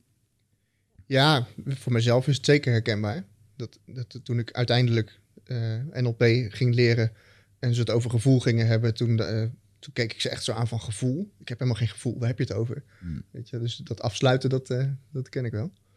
En, en je ziet het inderdaad vaak, ja, dat mensen dat, dat ze. Kijk, de, de meeste mensen eh, volgen geen trainingen. Nee. Denk ik altijd. Weet je? Dus het, de mensen die al besluiten om iets te gaan doen, of dat nou via eh, jouw vriendin is, weet je, via die ingang, of eh, via mijn trainingen, of via iets anders. Dat, dat is toch het bovenste laag van de mensen. Dus is al een soort bewustzijn. Ja. Toch, die zeggen eigenlijk al van, hé, hey, ik voel dingen en ik, wil, ik heb zelf Zeker. het idee dat ik daar invloed op uit kan oefenen. Ja. Het grootste gedeelte van de mensen wil helemaal niet voelen. Nee. Ja. En, en, bes- en dat is ook heel erg lastig om dit dan... eh, voor mij was het ook een proces hoor. Ik heb echt pas sinds een paar jaar eh, dat ik kan zeggen van ja, eh, het is niet mijn ex-vriendin schuld dat ik me rot voel. Het is mijn eigen schuld. Weet je, want vroeger was het ja, kom bij haar. Zij heeft dit gedaan. Ja. En dan, en er zitten Het makkelijkst, hè? Ja, er zit, maar ook gewoon niet weten. Echt denken dat dat dus daardoor komt. En ik heb echt wel, ja, ik heb jarenlang echt wel met gewoon gevoelens, met boosheid rondgelopen over bepaalde dingen. Terwijl eigenlijk, ja, dan kom je weer een beetje op dat kleine jongetje wat, eh, wat in je zit. Eh, want het is allemaal een beschermingsmechanisme. Mhm. En om dat beschermingsmechanisme te openen, ja, moeten er wel echt een paar kwartjes vallen. Ik weet nog echt dat ik dit gesprek had hoor. Dat ik zei van. eh, eh, letterlijk toen ik tien maanden op mijn kantoor had geslapen. En eh, mijn, vriendin, mijn ex-vriendin letterlijk na het uitmaken vrij snel een andere vriend had. Eh, dat ik er echt pissig over was. En dat, ik- dat het voelde dat het een soort van aangedaan was. En dat, Mm. echt gewoon, dat er gewoon echt letterlijk aan tafel werd gezegd van... joh, wat jij daar voelt heeft helemaal geen fuck met hun te maken. Het zit allemaal in jou. En dat ik echt dacht... Dat vond ik zo moeilijk om dat te bevatten. Daar heb ik twee dagen over nagedacht. En toen dacht ik, hmm, ja, zit misschien, zit misschien wel, could be true. Weet je? En echt gewoon, eh, ja, dat zijn van die eye-opening gespre- eye-opening gesprekken die in één Met keer... wie was eh, dat gesprek dan? Met mijn, vriendin, met mijn nieuwe vriendin. Oh, met je... Oh ja. ja, nee, dat ging hij meer... zich zat te beklagen over het feit dat zijn ex te snel een nieuwe vriend had. Zeg Nee, maar. dat was er wel in een verhitte ding over. Ik kwam toen net uit een burn-out en dan ging het ook over hoe, ja, hoe voelde ik me dan? Ik voelde me rot. En dan eh, nou, zat er nog een hoop gewoon wrok en een hoop acceptatie dat er niet... En, maar niet toen was ze nog niet je vriendin. toen was van mijn vriendin, ja. Oh, dat wel. ja, Ja. ja. Maar goed, dan kan je nog steeds boos zijn Dat over niet de eerste date, zeg maar. Nee, nee, nee, nee. Een derde. Nee, nee, nee. Toen waren we een, eh, een paar, ma- een paar weekjes, maar maandjes verder. Maar eh, wel, wel vrij snel. Omdat ik, eh, nou ja, goed, op het moment als je daar bewust van raakt dat iemand anders eigenlijk geen invloed zou hebben op jouw gevoel. Nou, die heeft er wel invloed over, maar je, je, je kan er zelf wat mee doen. Ja. En als jij dat weet en je zit vervolgens met iemand aan tafel, je partner, die als een, eh, ja, dan, want uiteindelijk kom je dus in een soort slachtofferrol en iemand ziet dat niet. Ja, dan is dat echt wel... eh Ja. Wow, zit wel even een niveauverschil hier in eh, bewustzijnsniveau. eh, even mee omhoog trekken door een aantal kwartjes erin te doen. Ja, dat, dat is wel grappig. Hoe Ja, als je met zo'n gevoelig iemand samenleeft of, of date, dan, eh, dan Ja. gebeurt er wel wat natuurlijk ook. Ja, maar, Maar, maar, maar buiten dat. Ik, als we nu lezingen geven, zeggen mensen ook wel. Mensen hebben mensen eens vragen. Ja, ja, ik heb zelf een baas. En een baas is een lul en dit en dat. En ik kan niet verder met mijn baan. Oké, dus het is de baas schuld. Ja. En als mensen dat zo stellig zeggen, dan denken ze dat dus echt. Ja. En dat is echt gewoon lastig om dat eruit te knippen. Ja. En dan, Hmm. om dan ja, even- maar ja, dat is, dat is echt zo, ja. Dat geloof, daarom geloof ik ook dat het, eh, dat het altijd een soort van eh, op vrijwillige basis moet gaan, die persoonlijke ontwikkeling. Want anders dan, ja. als mensen, als je tegen mensen zegt die de andere mensen nog de schuld geven, of het leven de schuld geven, of situaties, dan Maar Hoos kom je niet binnen. Ik hoorde er straks dat NLP jou ook volledig in staat stelt om dat soort mensen mee te krijgen. Ja, dus maar hoe gaan we dat, dat soort mensen in beweging Ja, krijgen? maar dat doe je dus door die vragen te stellen. Want hetzelfde, als ik dan ga vertellen, ja, maar het is niet zo en je moet voortaan gewoon zo doen, dan denkt zij, ja, maar, ik, maar op het moment dat je gewoon zegt, oké, dus jouw baas is verantwoordelijk voor jouw gevoel. En, en ze zegt ja, en ze zegt, is dat echt zo? Dan gaan ze verder nadenken. Wie kan jou laten voelen? Jij voelt toch alleen wat je zelf voelt? Ja, Ja, inderdaad. En dan, dan zie je gewoon letterlijk een soort van... eh, ja, dat is wel mooi. Dus door middel van vraagstelling. Dat is ook de beste manier van coachen, toch? Gewoon mensen zelf laten inzien. Ik weet niet, wat zegt NLP daarvan? Hoe, hoe pakken jullie dit aan? Ehm, waarvan precies? Hoe? Nou, wat je aan het begin zei is, NLP gaat over twee dingen. Je interne communicatie stroomlijnen, dus je interne gedachtsproces, dat is waar Wigert het over heeft. Mhm. Ehm, maar ook de mensen om je heen op een bepaalde manier programmeren, mobiliseren, om het gedrag te vertonen wat jij graag zou zien dat ze vertonen. Toch? Ja. Zo vatte ik hem redelijk goed samen. Mhm. Oké, stel je voor, je komt vanuit je rol iemand tegen die opereert, zoals Wigert zei, iemand die met name denkt in beperkingen, eh, veel moeite heeft. Waar, waar begin je dan vanuit NLP-perspectief om die persoon beter uit te lijnen eh, richting het gedrag wat jij wil hebben? Doe je dat inderdaad zoals Wigert zegt, middels vraagstelling? Of zijn er andere, eh, ga jij dingen op een bepaalde manier anders zeggen? Of ga je bepaalde... Snap wat ik bedoel? Ja, ja. En is het iemand die gevraagd heeft erom van tevoren? Nee, het is gewoon iemand die je in je omgeving hebt, eh, die bijvoorbeeld eh, beperkt denkt. Een vriend of vriendin gewoon? Ja, vriend, vriendin, eh, partner, maakt niet uit. Hey eindbaas en luisteraar, dankjewel dat je zit te luisteren naar deze podcast. Ik onderbreek hem eventjes voor een hele belangrijke boodschap. Of misschien liever gezegd een uitnodiging. Want op 24, 25 en 26 mei dan is er weer een nieuwe editie van Rite of Passage. Dat is mijn retreat voor persoonlijke ontwikkeling. En speciaal voor de mensen die op zoek zijn naar, ja, naar, helderheid. Of dat ze lastig bij hun gevoel kunnen komen. Dat ze moeilijke beslissingen moeten maken. En dat ze zo ontzettend in hun hoofd zitten ja, dat ze er eigenlijk gewoon niet meer goed uitkomen. Of dat ze misschien al heel lang in een, ja, een soort van oud gevoel zitten. Dat ze dat gevoel willen transformeren. Of misschien wil je gewoon een oud stuk achter je laten. Ergens een punt achter zetten. En ja, zoek je misschien heling op iets wat, wat je te lang hebt weggeduwd of, of hebt vermeden. Ja, daarvoor wil ik je uitnodigen op 24, 25 en 26 mei om in een retreat mee te doen waar de inhoud van het programma geheim is. Waar de belofte is dat het oncomfortabel wordt. Want jij begrijpt als geen ander dat als je die volgende stap wilt maken, ja, dan zul je uit de comfortzone moeten komen. En ik garandeer je, laat mij dat proces begeleiden met jou voor drie dagen. En je leven zal daarna nooit meer hetzelfde zijn. Gemiddeld beoordelen de deelnemers het met een 9,2. En daar ben ik ontzettend trots op. Er is ook een money back guarantee. Heb je de drie dagen vol, volbracht en vind je het niks, krijg je gewoon je geld terug. Dus het enige risico wat er is, is dat je gelukkiger kan worden. Ik zie je op Bride of Passage. Ga naar wichertmeerman.nl en klik op Retreat. In, eh, op persoonlijk doe ik dan niks. Oké, Dus dan laat ik ze gewoon zoals ze zijn. laat ze een waarde. Nou ja, ik weet niet of het... Het is niet per se NLP hoor, om dat zo te doen. Maar dat, eh, voor, mij, eh, eh, voor mij persoonlijk werkt dat gewoon goed om eh, te, te bedenken... dat eh, de persoonlijke ontwikkeling die ik zoek... en het pad wat ik bewandel, dat dat gewoon voor mij is. Mhm. En dat als mensen anders willen zijn, dat ik dat dan ook probeer te accepteren. Ondanks dat ik dat soms wel moeilijk vind. Eh, Ja. hè, want dan denk ik van, goh, ik gun jou eigenlijk ook dat je lekker in je vel komt te zitten. Of eh, dat, Ja. je, dat je doelen wel bereikt. Maar eh, probeer ik eh, dat dan op afstand te houden. Ja, Dat komt ook omdat toen ik net begon, dat, eh, dat ik in het begin was ik juist tegenovergesteld. Toen ging ik echt iedereen om me heen proberen enthousiast te maken. En toen dachten ze eigenlijk van, nou, volgens mij is hij gewoon lid geworden van een soort secte of zo. ja, je zat je in je evangelistische fase. Ja, ja. Ja. En dus dat, ja, dat heb ik heel snel losgelaten. En eh, toen heb ik gezegd, nou, ik ga het alleen nog maar eh, aan mensen vertellen die erom gevraagd hebben van tevoren. Ja, ja, en dan ja, bij ja. voorkeur mensen die er ook eh, gewoon eh, voor betalen, dus klanten. Ja, snap ik. Dus ondanks, wat is een goede manier om... eh, eh, Oké, check. Ehm, maar stel je voor, je hebt te maken met... ehm, je ziet het in teams wel eens. Dan zijn er mensen die... ehm, ik heb ze ook in mijn team... Ja, ik noem ze altijd... Eigenlijk mag het niet, want ze hebben vanuit Bel- Belbin... hebben ze ook een mooie naam gegeven. Dat is een waarschuwenrol. Ik noem ze altijd azijnpissers. Mhm. Maar dat zijn negatieve energieën in je dynamieken. Je hebt ze ook binnen relaties wel, maar er is altijd wel een die, die op de kop verkeerd staan. Nou, Ja, jij ja. zegt net van die ga ik niet lopen NLP'en.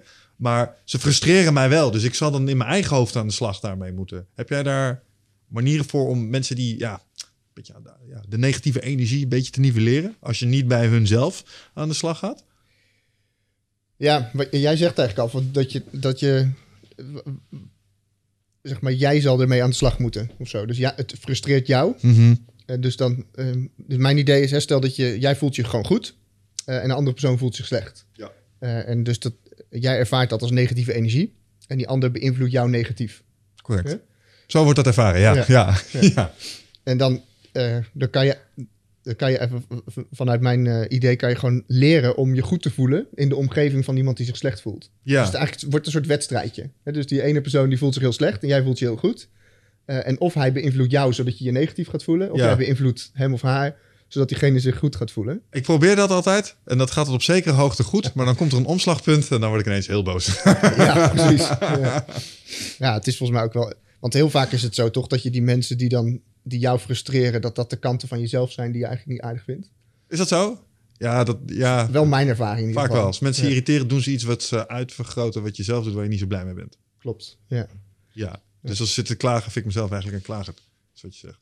Ja, of je hebt dat in je schaduwkant geplaatst en gezegd: je mag niet klagen. Ja, Klagen is slecht. ja. Ja. Dat is een soort regel. En dan Ja, laat je die regel dus op jezelf toe en daarom doe je het nooit. Maar als iemand anders het doet, dan Moet veroordeel je diegene dus op basis van je eigen regel. ja genadeloos en loeihard ook.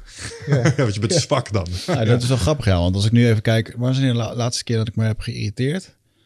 Dan heb ik een beetje als mensen een beetje eh, om aandacht lopen te vragen. Dus eh, bellen om even te praten. Ik ben overigens gewoon verder best wel sociaal, eh sociaal. Maar ehm, nou ja, misschien wel heel erg. Ja, ik ben wel eh, erg afgezonderd. Maar ik kan me wel, als ik dat even neem een aantal teruggesprekken, denk ik, ja, kom op, oké, waar gaat het over? Soms dan zeg ik dat dan ook gewoon. En dan merk ik dat ik me daaraan irriteer. Ja, Misschien is het dat dan ook een beetje.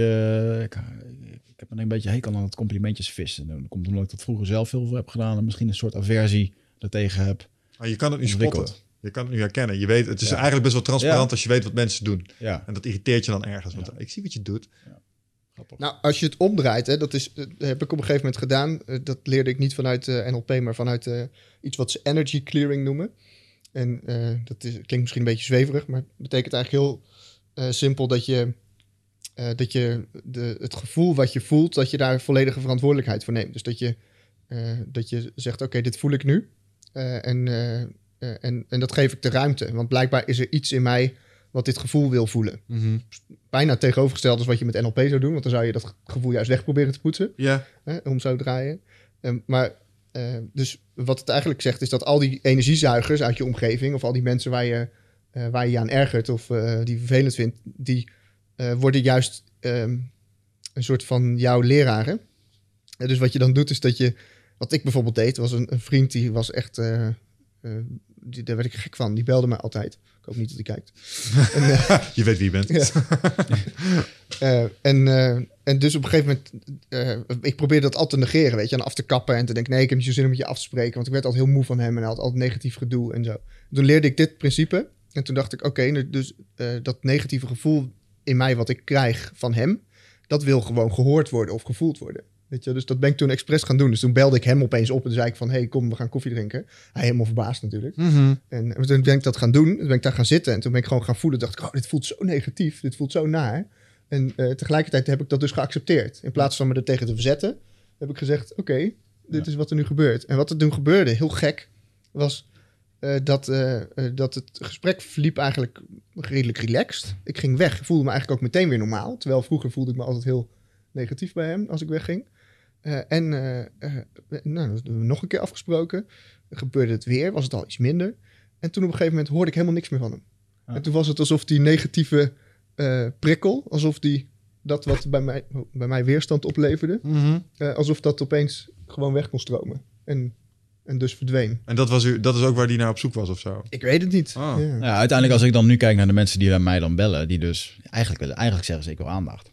Mhm. Ik zal ermee stoppen. als- Sorry als- man, nee, ik zal dus- niet meer bellen op zondag. Dus als ik die aandacht dan gewoon, inderdaad, en als ik dan terugkijk van ja, maar heb ik ze dan die aandacht gegeven? Ja, te weinig voor hun doen, weet je wel. Zou ik wel iets meer in kunnen doen. Ja. En, eh, dus ja, als ik dat voor zou kunnen zijn. Ja, dan, Ja, je zegt het, maar tegelijkertijd geloof ik toch ook wel dat gevoelens een eh, doel hebben. Want als je zo'n negatief gevoel hebt, zeg maar, Ja. dat is niet zomaar. Bijvoorbeeld net zoals dat je boos bent. Als je boos bent, dan is er ergens een grens overgegaan bij je. Daarom word je boos. Ehm, Ik vergeet de naam van die mevrouw steeds. Eh, mm, Helleman? Vera Helleman? Oh ja, ja. Die heeft een boek geschreven. Ehm, en eh, dat is een soort emotioneel kompas. Dat, dat omschrijft bijvoorbeeld eh, alle staten van blijheid. Er zijn allerlei gradaties. Je kan vrolijk zijn, je kan euforisch zijn. Er zit van alles tussen. ja. Ehm, en dan omschrijft ze ook waarom je op bepaalde manieren, eh, op bepaalde momenten zo voelt. En vaak als jij een beetje boos of geïrriteerd bent, is dat met name omdat, omdat het wrijft met jouw verwachting. Zeg maar. Wat, Mhm. Dus mensen doen iets wat je verwacht, of ze gaan een grens over. Een paar keer. En dan, dan, dan word je daar, daar, daarom ga je in de verdediging vaak. En door dat te snappen, ehm, snap je, oh, ik word boos omdat ze grenzen overgaan. En dan kun je er alsnog wel verantwoordelijkheid voor nemen. Maar het gevoel vertelt jou iets. Net als dat je iets wat te heet is vastpakt, dan moet je loslaten, want dat brandt. Ja, ja. Dus ja. de temperatuur is hoog. Dus net zoiets als dat je ergens boos van wordt. Er is hier gewoon gedrag eh, wat niet bij jouw unit past. Dat tolereer jij niet. Of dat, dat vind jij onacceptabel. Eh, en daarom word je nu zo boos. En dan kun je op zoek naar wat de oorzaak is. En dan kun je er voor iets van zeggen. Bijvoorbeeld, hey, je doet op een bepaalde manier. Dat vind ik echt niet cool als je dat zo bij mij doet. En je kunt het dus gebruiken als een ding. Maar, maar het helemaal eh, omarmen en het accepteren. Soms ben je gewoon geïrriteerd. En dan is dat terecht. ja. En dan moet er gewoon iets veranderen. Snap je? Ja, als je, als je het op die manier doet, wat er dan natuurlijk gebeurt, is dat je, eh, dat je dan je, je persoonlijkheid, weet je, die heeft, je hebt een regel geleerd. Iemand hoort zich op een bepaalde manier te gedragen. En daar moet hij zich aan houden.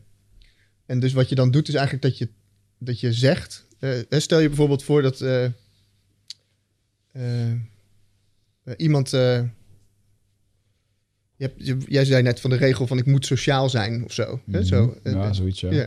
En, Zoiets. niet? nee, ja, nee, inderdaad, ja. Ja. En dus het is een soort onbewuste regel die je hebt, weet je. En als iemand zich daar dan dus niet aan houdt, dan word jij gefrustreerd of boos Ja. of zo. Maar dan, en dan ga je er dus vanuit dat die regel die je geleerd hebt, weet je, van ik moet sociaal zijn, dat die echt is. Dat die, en, maar eigenlijk is die regel op zichzelf illusoir. Hè? Dus is het, eh, als, je, als je je persoonlijkheid in stand wil houden zoals die is, dan zou je kunnen zeggen, nee, ik vind, ik ga dus, die, die boosheid vertelt mij, eh, ik ben boos omdat diegene niet sociaal is, of zoiets. Mhm. Eh, en dan ga je dat uitspreken en dan zeg je: hé, hey, maar jij moet sociaal zijn, want, want ik vind het vervelend als je dat niet bent of zo. En dan zegt diegene: oh, ik begrijp het, ik zal mijn best doen of zo. Mhm. En dan, maar dan hou je dus je persoonlijkheid in stand en dan doe je alsof het, alsof het echt is, alsof het waar is. En je zou, die, wat ik net probeerde te beschrijven, is dat je dus eigenlijk een stap daarachter doet en dat je eigenlijk zegt: de reden dat dit gevoel komt is omdat ik dat vind dat ik dat moet zijn of dat ik dat moet doen. En dan kun je het beter loslaten. En als je dat overstijgt, Ja. dan verdwijnt de hele regel op zichzelf. En dan zeg je of iemand nou wel of niet sociaal is, maakt eigenlijk niet meer uit. Ja. En als je dat wilt, hè, dat is natuurlijk. Nee, ik wou het zeggen, ik, ik, ik, zit, ik zit me net, ik, dat snap ik. En ik snap dat mijn eigen persoonlijke lijden er minder van wordt, zeg maar. Emotionele lijden. Ja. Maar misschien als ik bepaalde regels stel, ik ben een eh, leidinggevende. En ik frustreer me aan het feit dat jij geen reet doet. Dan kunnen we op zich kunnen we nadenken over die regel eh, die ik in mijn hoofd heb. Dat ik namelijk vind dat jij iets moet doen. En je doet het niet. En dat geeft mij een vorm van lijden, want het irriteert mij. Ik vind niet dat we die regel moeten aanpassen. om, eh, om mijn persoonlijk lijden te verminderen. Ik vind dat we iets moeten vinden van jij die je niet aan die regels houdt. Maar, maar moet, moet je je per se frustreren? Of kan, zeg maar, kan je ook zonder te frustreren iemand eh, helpen om eh, zijn werk goed te doen? Ja, dat is, ehm, dat is een goede vraag. Ik denk dat het kan, maar ik denk dat die frustratie ook een soort brandstof is om erachteraan te gaan. Ja, ja, dus dan motiveer je jezelf eh, door pijn te vermijden. Te zeggen, de Eigenlijk wel van ja, dit, dit ding moet weg. En ik denk Ja. dat een heleboel mensen op deze manier opereren. En ik vraag me af ja. of je niet stil blijft zitten op dingen waar eigenlijk op bewogen moet worden als je jezelf te veel boven dat soort plaatst. Want eh, ik, ik ben dus ook meer een, een denker geweest, maar ik heb met name de laatste anderhalf jaar veel meer geprobeerd vanuit gevoel eh, te handelen. Intuïtie, dit voelt op een bepaalde manier. En ik weet dat rationeel dit nu misschien de beste stap is, maar dit ding, daar moeten we iets mee. Want dat gevoel geeft mij ook informatie. Ja, ja, ja. Het is een soort kompas, misschien wel. Maar tegelijkertijd snap ik dat ik mezelf ook wel eens lijden aandoe. Omdat ik bepaalde van die spelregeltjes hanteer. En die projecteer ik dan op de buitenwereld. En dan vind ik het frustrerend als ze het niet doen. Ja, precies. Het Ja, is- nee, maar die snap ik wel. Het is En een soort keuze dan Ja, eigenlijk. ja, ja, ja. Zeg je, wil ik, dit, wil ik dit nog langer voelen? Ja. Of wil ik dit nog langer vinden? Ja. Ik heb bijvoorbeeld eh, in mijn trainingen heb ik me heel lang geërgerd aan mensen die eh, er steeds tussendoor praten. Ja, dus dan heb ik, zit ik net lekker in een soort ritme, in een flow. En dan, eh, en dan ben ik lekker bezig. En dan opeens zegt iemand: Oh ja, ik heb ook een keer iets meegemaakt. En, Ja. en die gaat dan. En, en vro- vroeger dan. Weet je dat. Maar het voegt wel toe aan je verhaal. Het is niet dat hij met de buurman zit te kletsen en plaatjes op zijn telefoon laat zien. Ja, dat maakt dan toch niet uit?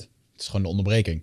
Ja, precies. Het gaat om de onderbreking. Als iemand vanuit enthousiasme bijdraagt aan het verhaal, kan ik er meer begrip voor hebben als dat ze tegen elkaar zitten en zijn niet aan het opletten. Dat laatste vind ik echt heel vervelend. Oh ja. Nee, bij mij maakt het niet uit. Dus als ik iemand er gewoon doorheen praat, dan was ik. En dat. Dan kon ik schijnbaar, heb ik wel eens teruggekregen als feedback, dat ik dan echt heel bitchy van me afkeek. Zo van, wat doe je? En, Ja. en toen dacht ik van, oké, ik ga proberen om daar beter mee om te gaan. Eh, weet je, totdat ik me realiseerde dat ik zelf zo iemand ben. Weet je, dus als ik zelf ergens een training eh, aan het volgen ben, dan, eh, dan ga ik dat zelf dus doen. Dan ga ik zelf de hele tijd er tussendoor praten en opmerkingen maken en zo. En toen dacht ik, wacht, weet je, eigenlijk vind ik dat dus niet, vind ik dat niet kunnen. Weet je, en, en toen heb ik dat gevoel wat ik dan elke keer voelde, heb ik geprobeerd om gewoon zoveel mogelijk gewoon te voelen. En te denken, oh, hoe voelt dit dan? Weet je, hoe voelt het? Ja. En net zolang totdat het de ruimte kreeg. En het grappige is dat dan eh, daardoor verlopen mijn trainingen smoother. Want als iemand nu een keer iets tussendoor zegt, dan zeg ik: hey joh, bedankt voor je opmerking, maar eh, ik eh, kom er straks even op terug. Ja. Maak even dit verhaal af. En dan doe ik dat vanuit vriendelijkheid en niet vanuit bitchy. Je neemt het niet meer persoonlijk. Precies. Ja, Ja, ja, ja, ja. ja. Wat is het dan dat we onszelf zo irriteren dat aan... is het, ja. Ja, Ja. ja, Weet ja. Je, je neemt, in precies, je neemt het niet meer persoonlijk. Ja. Wat, wat is het dan dat we onszelf zo kunnen irriteren aan bijvoorbeeld eh klassiek verhaal. eh, een moeder die eh, politieagent is, eh, die haar eigen kind niet kan controleren. kind gaat, doet allerlei dingen wat ze niet wil. Ze vindt dat ze het kind rustig moet houden. Het moet, het moet een soort van gecontroleerd zijn. En dat, Mhm. dat, ze vindt dat het kind maar wat doet. En dat, dat deinst natuurlijk helemaal terug in haar eigen werk, waar je alles in wil controleren. En wat gaan je kinderen dan doen? Ja, precies het tegenovergestelde. Mhm. Wat is het dan zo dat wij dat ons dat, dat, dat, dan zo irriteert?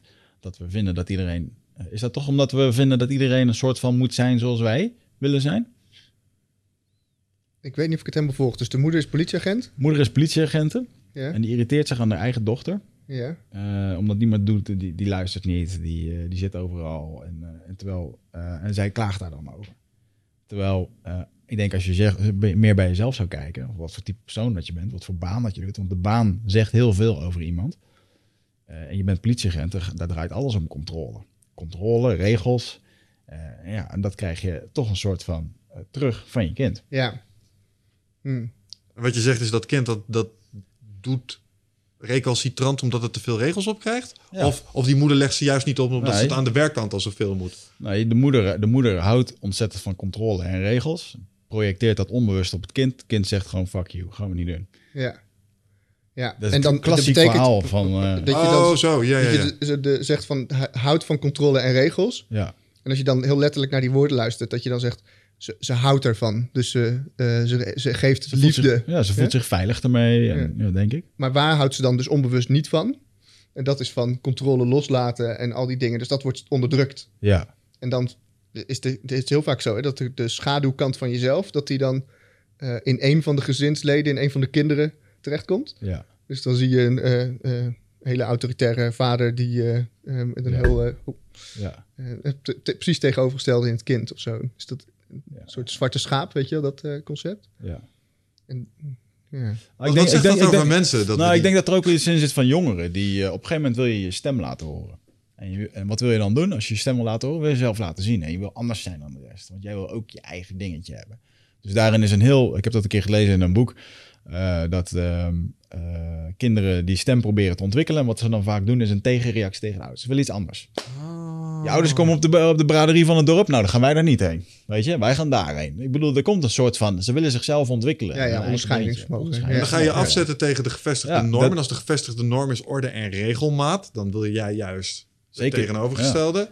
Dus het beste wat je kan doen, Zeker die is als je je kinderen orde en regelmaat wil geven, is ze chaos geven. Ja, ze zich daar Nee. tegen afzetten. Nou ja, uiteindelijk... Ja. uiteindelijk Als je dat kan. Ja, als het, ja. als het lukt. Gecontroleerde chaos. Toneelspel. Ja. Ja. Ja, ja, ik denk wel dat dat een... eh, maar dat kan ook pas dan in één keer dat ze op een dertigste denken van... ja, fuck, heel mijn leven is één grote chaos geweest. Ik ga het nu anders doen. En dan, Mhm. dan is er ook weer geen contact. Ik bedoel, ik kom zelf ook uit een chaotisch gezin. En je hebt ook al het een en ander meegemaakt. Waar we over- overigens ontzettend veel aan het afwijken geweest. Want jij je bent eigenlijk maar eh, aan het woord geweest tot je, tot je twintigste. Dus ik ben nog wel even benieuwd naar het verhaal wat daarna kwam. Eh, Dat ging over je schoolervaring, dat het niet zo lekker ging op je twintigste. En wat, eh, nou, weet je, ja, wat, wat grappig is, is dat eh, als ik er nu aan terugdenk, weet je, dan denk ik van in die periode werd ik eigenlijk geneurolinguistisch programmeerd eh, door, de, hè, door mensen op school en door mijn ouders en door mensen die eh, eh, zeg maar niet in me geloofden, zou je kunnen zeggen. Ho- Hoewel mijn ouders altijd in me geloofden. Maar, maar er werd gezegd, er is iets met je aan de hand, er moet iets veranderen, er is iets mis met je, weet je. Ja, dus er, eh, weet je, als je bij de rector moet komen en, eh, en ze zeggen, nou, als je zo doorgaat, dan komt er niks van je terecht of zo. Ja, ja. Ja, en dat, ik denk dat, ik dat, dat er een, een korte periode was waarin ik dat geloofde. Weet je, waarin Ja. ik dus geloofde dat ze gelijk hadden en dat ik dacht van, oh, ik ben eigenlijk gewoon dom en ik ben een mislukkeling en eh, er komt niks van me terecht en zo. Dus ik ging als het resultaat van die ne- negatieve programmering ging ik ook allemaal hele sullige baantjes zoeken en dat ging ook allemaal mis en weet je, voelde ik me niet uit, genoeg uitgedaagd, et cetera. En dat, dat, werkt, dat ging eigenlijk door tot ergens tot ik, eh, tot ik twintig was. En toen had ik echt een leven met alleen maar, eh, met alleen maar feesten en, eh, en, en brak aan het werk weer. En het ene baantje na het andere en zo. En dat ging eigenlijk, nou, het sloeg nergens op. En toen, toen, kwam er een, er kwam een soort omslagpunt. En dan moest ik, moest ik nog aan denken voordat ik hier naartoe ging. Dat, dat er op een gegeven moment had ik een baantje als verkoper. Dat was mijn allereerste baan als verkoper. En dat, dat, ging op, dat ging best wel goed. En die, die man, die eigenaar van het bedrijf, die was helemaal onder de indruk van mij. En eh, dat, eh, dat, ja, dat vond ik eigenlijk heel gek, want dat, wat gebeurde niet zo vaak, weet je, in die periode. Dus het eh, Mm. was een oudere ondernemer al, hij was al eh, tegen de 70. Hij was altijd, 's ochtends als ik op kantoor kwam om acht uur, dan was hij er al. En s'avonds reed ik wel eens langs het pand, om tien uur s'avonds zat hij er nog. Weet je, die man was altijd aan het werk. En, eh, en ik had, we verkochten kunst en kurk, nee andersom, kunstreproducties en kurkvloeren. Sloeg helemaal nergens op, rare combinatie. Maar ik had dus al die zooi uit het magazijn gehaald en ik was dat gewoon gaan verkopen. En dat, eh, nou, daar was hij helemaal van onder de indruk. En toen kwam hij op een gegeven moment, na een paar maanden, kwam hij bij mij eh, eh, aan mijn bureau staan. En toen zei hij, ja, we moeten even praten. En toen dacht ik, oh shit, daar gaan we weer, weet je wel. Fired. ja. En, maar goed, nee, dat bleek anders te zijn. En dus, dus hij, hij zei tegen mij, ja, hij zegt, ik ben echt onder de indruk van je kwaliteiten en, en wat je kan. Hij zegt, en ik, hij zegt, ik vind het eigenlijk dat je, je moet hier niet blijven werken. Want dit- is zonde. Eh, Je hebt zoveel kwaliteit. Hij zegt, ga maar ergens solliciteren als verkoper en dan, eh, eh, dan schrijf ik een goede recensie voor je en zo. En, dat, en ik, ik was helemaal onder de indruk daarvan. Weet je, ik fietste echt naar huis en dat ik echt dacht van, wow, wat gebeurde er net, weet je, Ja. zo gaaf. Ook tof van hem. Super, ja. Toen kwam ik thuis. En een magisch... Een heel cynisch zou zeggen, ze een hele goede NLP'er geweest. Wie weet was hij het wel. Ja, ja, precies. Ik moet hem ooit eens gaan bedanken. Ja. Toen fietste ik naar huis. Het was heel grappig. Dat, dat een, een vriend, mijn vriendinnetje toen, die had een vriend op bezoek. Eh, en, eh, en ik kwam eigenlijk thuis aanfietsen. En ik zag een, een gloednieuwe Golf 5 zag ik staan. De- het was toen een helemaal nieuwe auto. Weet je, was net uit. En, en ik dacht, zo, mooie auto zeg. Weet je. En ik ging naar boven. En toen bleek, bleek dat van die vriend van mijn vriendin te zijn. Die daar op de koffie zat. En die zat daar netjes in pak, weet je. En die had daar een hele... eh, ja, een soort van... eh, eh, professionele uitstraling. En ik kende hem nog van vroeger. En toen werkte hij als verkoper bij de Scheer en Foppen, weet je. Dus ik vroeg aan hem van, goh, wat doe jij? Wat, is die auto van jou? Ja, ja, is wel van mij. En ik, eigenlijk vond ik hem vroeger een beetje een sukkeltje. Ja. En, en, en nu was ik dus opeens, dacht ik, zo, weet je, wat, wat een gast, hè? Wat, wat een ding. En hij bleek bij de Gouden Gids te werken. En nou ja, daar, hij zei, eh, daar verdien ik heel goed en daar heb ik, krijg ik alles voor elkaar. Eh, met, eh, en, nou ja, dat was voor mij echt een soort omslagpunt. Dus ik heb de Gouden Gids eh, gemaild en gezegd, ik wil bij jullie werken. En toen werd ik aangenomen. Eh, en toen ineens eh, draaide het hele proces om. In één Mhm. keer kreeg ik, eh, kreeg ik aanzien. Ik kreeg ook een Golf 5 en een pak. En, en ik werd, was bovendien heel goed in het werk. Eh, dus ik verdiende heel veel geld daar bij het bedrijf. Eh, en eh, nou, binnen twee jaar werd ik gerecruit bij een ander bedrijf. Weet je. En in één keer, binnen, eh, binnen een paar jaar tijd, had ik opeens een topsalaris en een topbaan. eh, met, een, eh, nou ja, met alles erop en eraan. Dus, Mhm. eh, dus het was een soort omslagpunt, zeg maar. Dat ene moment bij dat bedrijf, waar in één keer iemand me de verkeerde kant of de goede kant op neurolinguistisch programmeerde. Ja. Hmm. En dat, eh, ja, dat was voor mij wel echt, het besef achteraf gezien dat hoe krachtig het dus kan zijn om de juiste dingen tegen iemand te zeggen. Ja. Als de juiste persoon op het juiste moment de juiste dingen tegen iemand zegt, dan opeens. eh, Ja, en wat er aangaat, is wat hij, wat hij voor elkaar krijgt, is dat je, eh, als ik daar op afstand naar kijk, is jij begint te geloven in je eigen competentie door het boeken van een aantal kleine succesjes en die stapelen op en daardoor kun je steeds grotere uitdagingen aan en daardoor zeg maar, gaat het soort van ja, snowballen, zeg maar. Het wordt steeds, steeds groter je succes en daarmee genereer je momentum en daardoor gaat het vooruit. Maar dat, Ja. begint, dat begint met één positieve opmerking. ja, ja, bizar hè? Maar jij Ja. hebt dus in de, de en dat, is wel, dat zijn wel defining moments, hè? Het moment waarop je leert van, oh, stiekem ben ik gewoon competent. Ja. Zo van, hey, wauw, dit begint, dit begint er bijna op te lijken alsof we er verstand van hebben. We lopen het risico professioneel te worden hier. Ehm, dat zijn van die momentjes, ja, ik weet dat nog goed wanneer dat bij mij was. Weet jij dat nog? Wanneer je in de gaten kreeg van, oh, wacht eens even. Misschien toch nog wel wat in huis hier. Eh, ja, wel verschillende momenten hoor. Wel, eh, als je, je merkt het vaak als je van de ene werkplek naar de andere werkplek gaat. En, ehm, eh, of op het moment dat je ergens langer, langer- maar Ik heb altijd zoveel diverse dingen gedaan. Ik heb ook nooit op één plek blijven hangen of zo. Ik heb ook altijd geweigerd om in de supermarkt te werken. Daar voelde ik me sowieso al te kut voor. Of te, te, niet, nou, te, goed voor. Te goed voor. Te goed, niet te kut voor. Dus uiteindelijk voel je jezelf dan een soort van beter dan de rest. Mm. Ehm, maar laten we wel wezen, ik heb ook na mijn, na mijn HBO heb ik 52 sollicitaties gedaan. Ik heb het Excelletje nog op mijn, eh, op mijn, op mijn Zo. computer staan. Zelfs toen nog even kijken. een fucking Elke week banenmarkt, één, jongen. Nou ja, gewoon, eh, ik, ik merkte op een gegeven moment gewoon ook, eh, oké, dan zit je dus in die banenmarkt met honderden afstudeerders. En ik dacht dat ik bijzonder was, want ik had afgestudeerd, ik was afgestudeerd in Sydney. Ik denk dat dat stond goed op mijn cv. Nou, nobody gives a fuck, weet je wel. dus uiteindelijk, je komt in die banenmarkt van honderden mensen. En ehm, ik ben op een gegeven moment ook maar gewoon gaan solliciteren om op gesprek te gaan. Om gewoon überhaupt bij bedrijven binnen te staan, gewoon de energie te voelen. En ook het gesprek solliciteren, te oefenen. Ja, ja. Want daar word je zo, niet hè? in getraind. Ja. Hè, Hier wel een leuke baan, maar niemand snapt hoe dat je solliciteert. En ik ben er echt heilig van overtuigd. Hetzelfde als dat je twintig keer je workshop doet. Op een gegeven moment weet je gewoon wat goed valt. Ja, En waar mensen op aangaan en waarvan ze zeggen van... hé, hey, dit is goed. En ehm, ik denk ook wel dat je gewoon je plek moet vinden. En op een gegeven moment komt dat dan allemaal een soort van samen. En dan had ik wel echt een hele gave eh, baan waar ik, waar ik mezelf wel echt in kon ontwikkelen. En waar ik net zulke stappen, eh, eigenlijk een beetje hetzelfde proces als dat jij hebt gedaan, heb kunnen, kunnen maken. En dan gaat het ook in één keer voor de wind. Dan zit je ergens in en dan geloof je er ook in. En dan loop je naar binnen van, yeah baby, Ja. this is cool, this is me, weet je wel. Ja, het eh, is, het is echt gek, vind ik hoor. Dat je dat, je dus een, dat, je dat totaal kan veranderen. Weet je, dat je, als ik dan denk van vier jaar later, had ik, het, eh, had ik alles voor elkaar. Weet je, had ik echt een topsalaris, een hele dikke auto, een kantoor op de Herengracht. En toen geloofde ik dus weer eh, in dat plaatje. Ja. Hè, dus toen dacht ik, ik ben Robin de succesvolle man of zo. Weet je, ja, dat, ja. en, dat- en, en toen ik NLP leerde, dat was op mijn 24ste. En toen ineens besefte ik me eh, hoe die 14 jaar daarvoor, als het ware, me, ik gewoon van hot naar her ben geprogrammeerd. Weet je, Mhm, eerst ja. om te geloven dat het, eh, dat het allemaal niks werd. En toen om te geloven dat het allemaal wel wat werd. En toen dacht ik, ja, de waarheid bestaat blijkbaar niet. Nee. Ja, Blijkbaar kan je, als je dus leert geloven over jezelf, wat je wil geloven over jezelf, dan creëer je het leven wat erbij hoort. ja. Maar, maar toen, toen had je de dikke golf, je had het pak, je had de money. En toen dacht je, want dit is niet meer wat je nu nog doet. Eh, dit is het ook niet, want je bent andere dingen gaan doen. Ja. What happened? Hmm. Ja, eigenlijk per toeval dat ik een NLP-training eh, eh, tegenkwam. Dat, mijn moeder had een, een NLP-workshop gevolgd.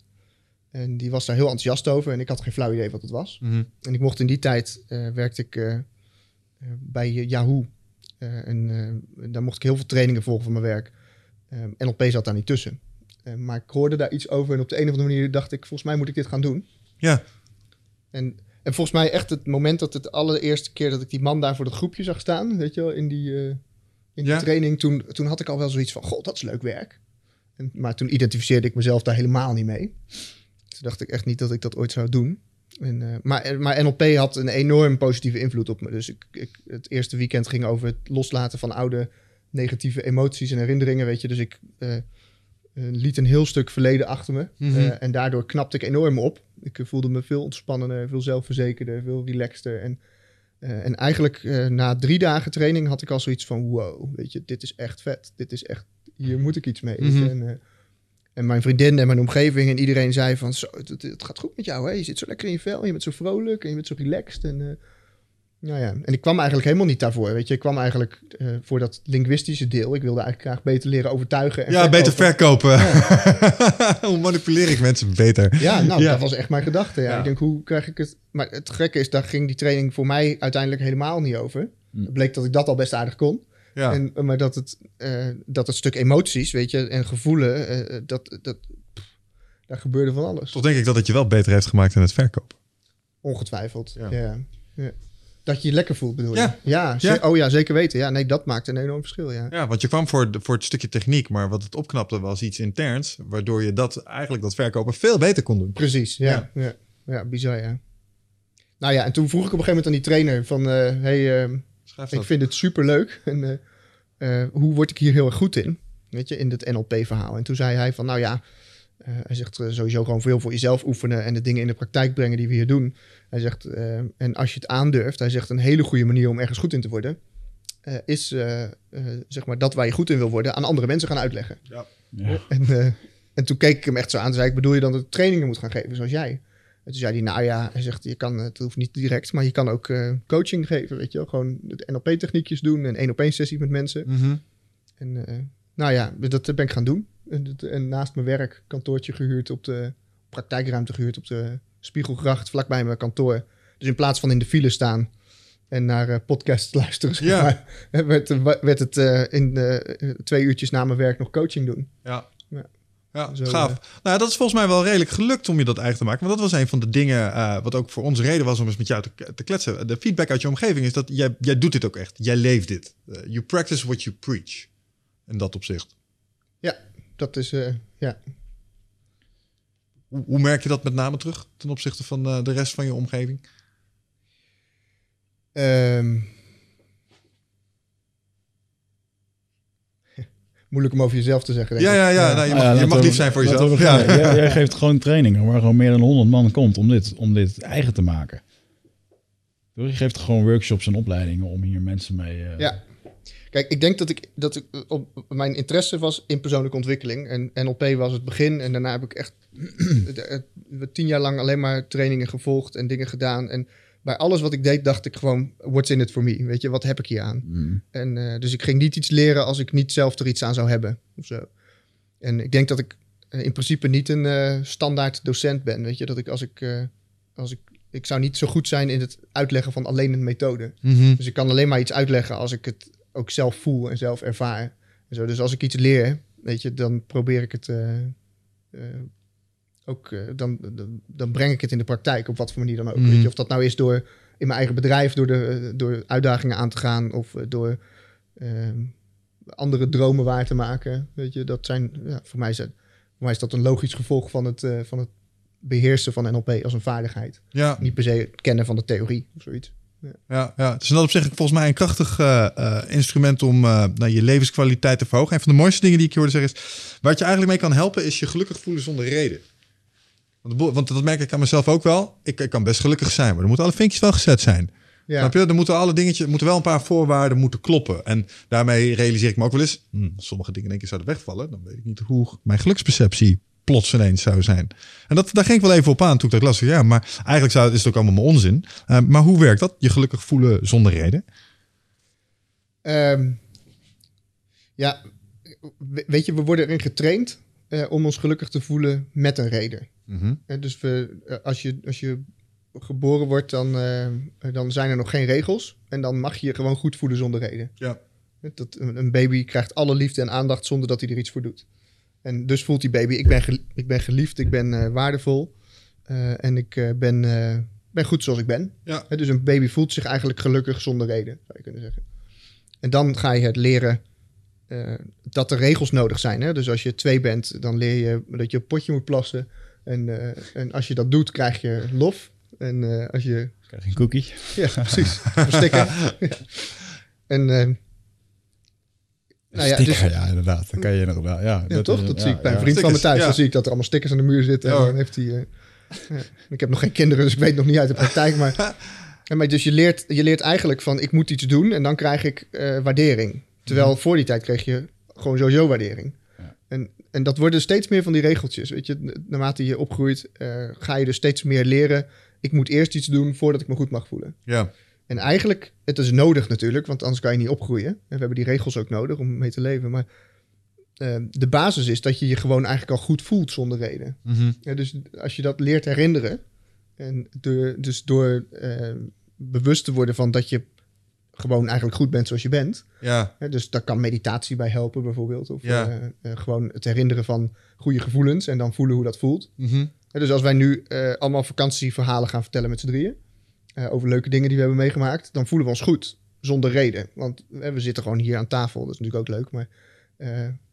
maar de, dus de goede gevoelens zitten gewoon in ons brein. We hoeven niet ergens naartoe. ja. Maar je zet me hier wel aan het denken. Want bij mij is het wel echt conditioneel. Ik kan niet zomaar ergens zitten. Bijvoorbeeld als ik een zaterdag niks zou doen. Ja. Dan er moet wel eerst wat gedaan zijn voordat ik me goed mag voelen van mezelf. Zo van, je mag niet... eh, oh, je hebt de hele dag gereed gedaan. Hoezo zit jij je hier blij te voelen? Er moesten dingen gebeuren, snap je? Dus ja. je moet eerst bepaalde condities Ja. hebben voldaan... voordat je de beloning mag krijgen. Dus inderdaad, je moet iets goed doen. Goed rekenwerkje, krijg je een sticker. Ja. En de sticker kun je niet zomaar krijgen... want dan is je eigenlijk onverdiend. En dan geniet je minder van de sticker. Terwijl dat eigenlijk onzin is. Dat is een of ander... dat is weer zo'n regeltje. Dat heb je jezelf opgelegd. Ja, Met dat ik jou ja. dat hoor zeggen, realiseer ik me dat ik zo werk namelijk. Ja. Ja, Het is natuurlijk ook goed, want daardoor krijg je dingen gedaan. Dus het is an- anders dan. eh, ik heb dat ook wel meegemaakt. In India heb je eh, de Holy Man. Eh, en dan ga je. dat is een man die heb ik ontmoet. Die woont ergens in een tempel. midden in een groot natuurreservaat. In zijn eentje. En die doet de hele dag helemaal niks. Eh, en eh, die eh, heeft. hij verzorgt diertjes, weet je, die gewonde diertjes uit het bos en zo. En hij eet uit de natuur. En mensen waarderen die Holy ze geven ze ook geld. Dus dan kan hij af en toe wat brood kopen of zo. En Maar die man die heeft dus geen één regel voor zichzelf. Weet je, die heeft, die heeft niet de regel: ik moet een relatie hebben. Die heeft niet de regel: ik moet succesvol zijn. Die heeft niet de regel: ik moet een carrière hebben. Of ik moet knap zijn. Of ik moet kleren aan hebben, want ze lopen in zo'n doekie. Weet je, en weet je, allemaal niet. En de man was echt, ik, heb, ja, ik weet niet of jullie daar gevoelig voor zijn, maar als ik dan in het energieveld van zo iemand kom, weet je, dan, ik, ik, voelde me meteen helemaal relaxed, weet Ja. je. Ik dacht, ik, ik, eh, ik zat naast die man, ik denk, ah, kan hij wel blijven, weet je, Mhm. zo. Dus die man die voelde zich helemaal goed zonder, zonder enige aanleiding. En, eh, en zeg maar, wij in het Westen, eh, zeg maar, met onze regels over wat er allemaal gedaan moet worden, krijgen dus wel heel veel dingen voor elkaar. ja. Ja. Dus er zit wel, ja, dus, er zit wel een... Ja, wat, wat krijg je dan voor elkaar? Dat is dan ook weer. Wat krijg je dan voor elkaar? Wij vinden dat we veel voor elkaar krijgen. Zij vinden het madness. Ja, ja, precies. Ja. ja, we doen veel, laat ik het dan zo zeggen. Ja. Ja. Of, het, ja. of het positief is, dat valt te. Nou ja, is toch die uitspraak van de Dalai Lama, dat ze dan eh, dat, dat ze aan hem vragen van. eh, What do you think of the civilization of the West?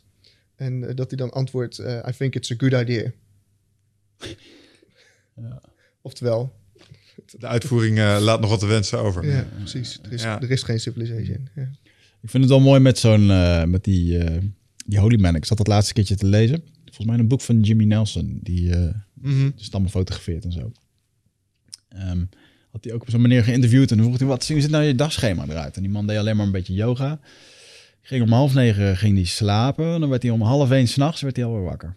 En dan ging Zo. hij, ging s ochtends ging dan ging hij yoga doen volgens mij. Dan ging hij lekker naar de rivier toe. En dan s ochtends rond een uur of zeven, nou, dan ging hij een keertje lekker...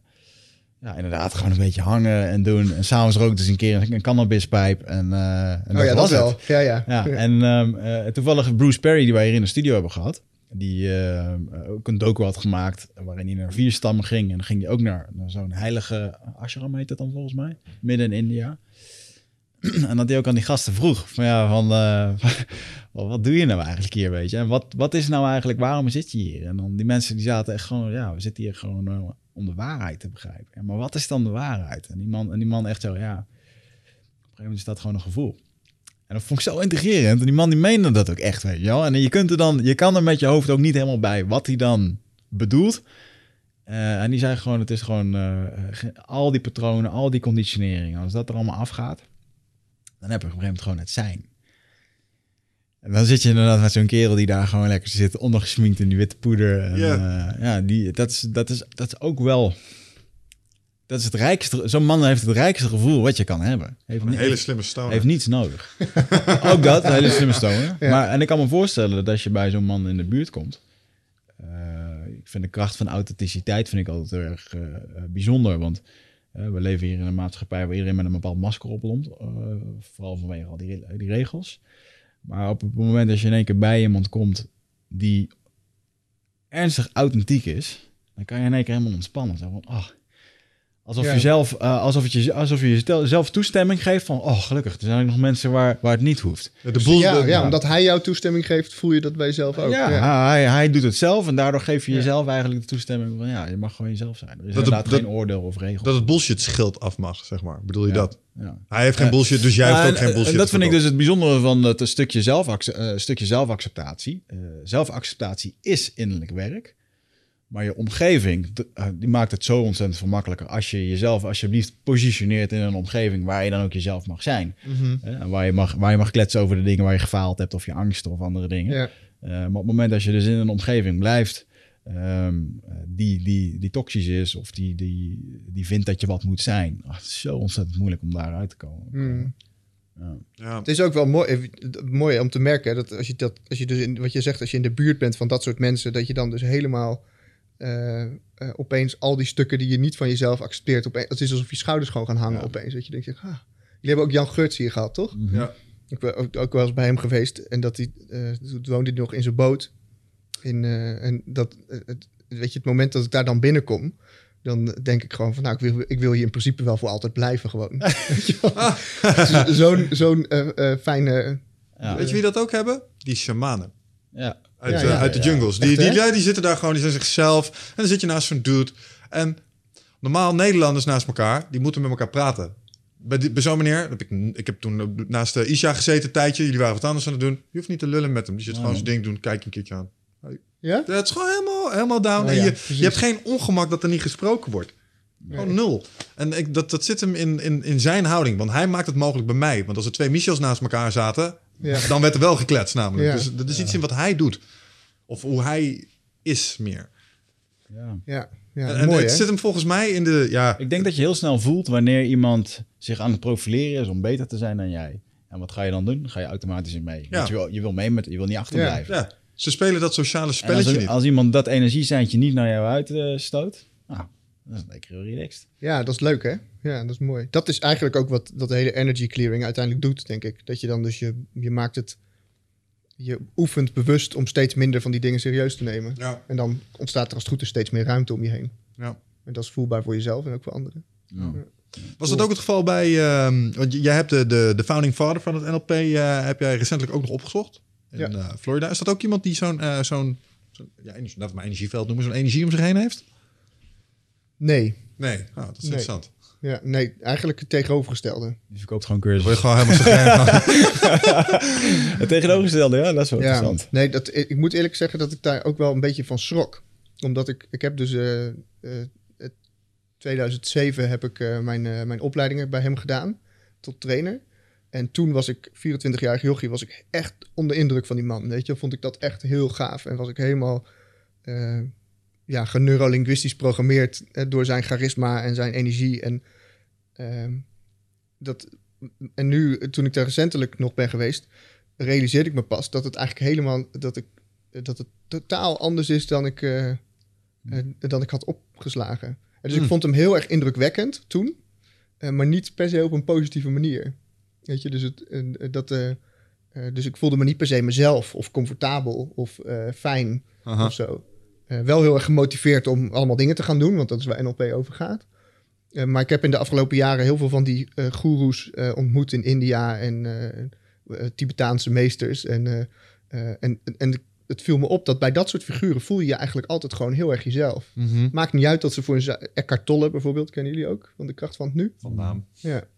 En dat, daar, eh, weet je, daar heb je het gevoel, ook als het hier voor een zaal van duizend mensen, heb je het gevoel dat je er gewoon naartoe kan lopen en hem een knuffel kan geven, weet je, omdat het gewoon, niet dat je dat doet, maar eh, snap je, maar het voelt wel zo. Ja. hè? Ja. Zo van, het voelt gewoon als een vriend.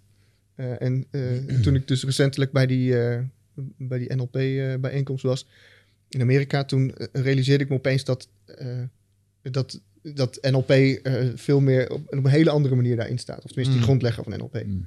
Ja. Ja, veel meer eh, vanuit autoriteit en een soort dogmatische eh, ideeën of zo. Wat ook waarde kan hebben, maar dat niet altijd optimaal is. Ja. Zeker, ja. ja. Dus, eh, Zou je daarmee zeggen dat NLP, NLP echt een... ehm, het is echt een hoofdding. Klopt dat? Maar uiteindelijk heeft het ook weer te maken met je gevoel. ik denk dat, dat het hangt er vanaf wie de training volgt, denk ik. Ja, dus als je, eh, en bij wie. Dus als een heel erg verstandelijk iemand het zeg maar, gaat volgen bij die grondlegger van NLP, dan zou je het, het kunnen interpreteren als alleen maar een heel mentaal ding. Ja.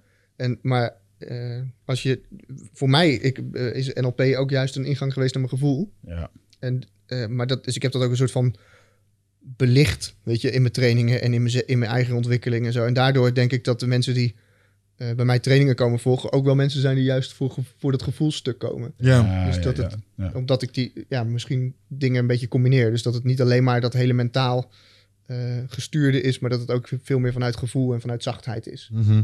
En Ja. of dat typisch NLP is, ik denk het niet. Nee, ik denk dat daar, dat, dat, daar het, eh, dat je een soort eigen eh, mixed martial arts hebt gemaakt van de stromingen die je inmiddels eh Ja, allemaal blijkt. gevolgd hebt. En dat zal het beste zijn van alles. Is dat ook een beetje de toekomststroming van, eh, van NLP? Waar je het zelf, waar zie je jezelf over tien jaar met, je, eh, met alles wat je doet? Ehm, nou, ik zou het niet erg vinden als ik NLP als methode een klein beetje los zou laten.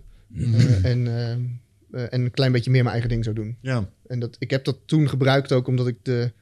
eh, weet je, ik was 24 en wie was nou Robin om dat te gaan doen? Dus toen dacht ik, als ik de, een methode verkoop, verkoop ik dat makkelijker dan als ik Robin verkoop. Slim. Ja. Ja, en, eh, maar inmiddels denk ik ja, dat, eh, dat het ook wel handig is als het. eh, eh, nou, dat, kijk, mensen die trainingen volgen en die verwijzen ook weer mensen door en zo breidt het zich wel uit. Die weten wel dat het is wat het is. Mhm. Eh, maar de mensen die helemaal nieuw puur voor NLP binnenkomen, die denken misschien. En die vergelijken. Mensen zeggen bijvoorbeeld: hé, hey, eh, eh, wat is het verschil tussen jouw NLP-opleiding en die van een ander?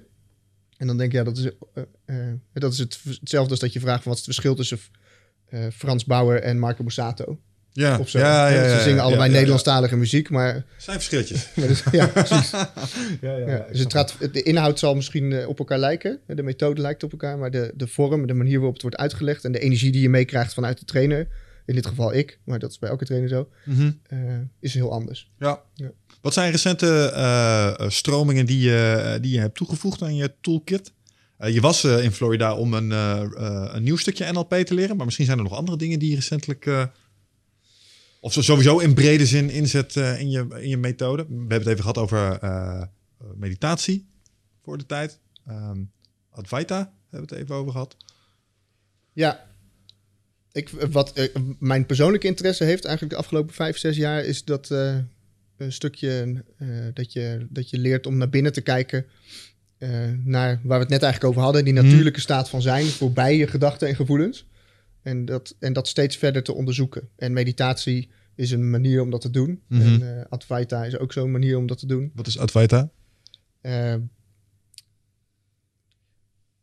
makkelijk gezegd is het, eh, is het een filosofie die verwijst naar de eenheid die je bent voorbij je gedachten en emoties. Dus dat wat je was voordat je een identiteit ontwikkelde. En, Hmm. en nog steeds bent achter die identiteit. Ja. En eh, dus door, door naar binnen te leren kijken, eh, eh, door te mediteren en door stil te worden, ontdek je dat er iets in jou is wat voorbij de gedachten en emoties aanwezig is. Mhm. En dat als je dat eenmaal ontdekt, dan ontdek je dat het er altijd is. Dus dat het net zo realistisch is als je identiteit. En misschien uiteindelijk zelfs wel realistischer. Eh, want je identiteit verandert voortdurend. Hè? Dus je gedachten veranderen voortdurend. Je ideeën, je opvattingen, je gevoelens, je plannen voor de toekomst of hoeveel je daarvan waarmaakt, dat verandert continu. Mhm. En wat er overblijft is dat stukje eh, heelheid in jezelf, wat er eigenlijk altijd is en wat eigenlijk nooit veranderd is. Hmm. Dus dat was er al toen je net geboren werd. En dat is die natuurlijke staat natuurlijk, waar we het over hadden. En dan blijft het vervolgens altijd. Het enige is, eh, hè, we verliezen ons in, ons in ons levensverhaal. Dus we gaan eh, op pad om dingen te bereiken en de toekomst in. En eh, eh, we eh, nemen het verleden als referentiekader als we over onszelf praten. Mhm. En, eh, en eigenlijk met, eh, met al die verschillende stromingen, of het nou Advaita is, of bijvoorbeeld eh, Tibetaans boeddhisme of eh, non-dualiteit, eh, verwijst allemaal naar die ene plek in jezelf die eh daar aan voorbij gaat en die dus niet verandert eh, en die eh, niet. Eh, die niet per se beïnvloed kan worden of kan veranderen. Mhm. En, en wat heb je daaraan als instrument? Wat is de waarde die dit je geeft? Innerlijke rust. Innerlijke rust. Dus, dus wat er in de buitenwereld gebeurt, raakt je minder.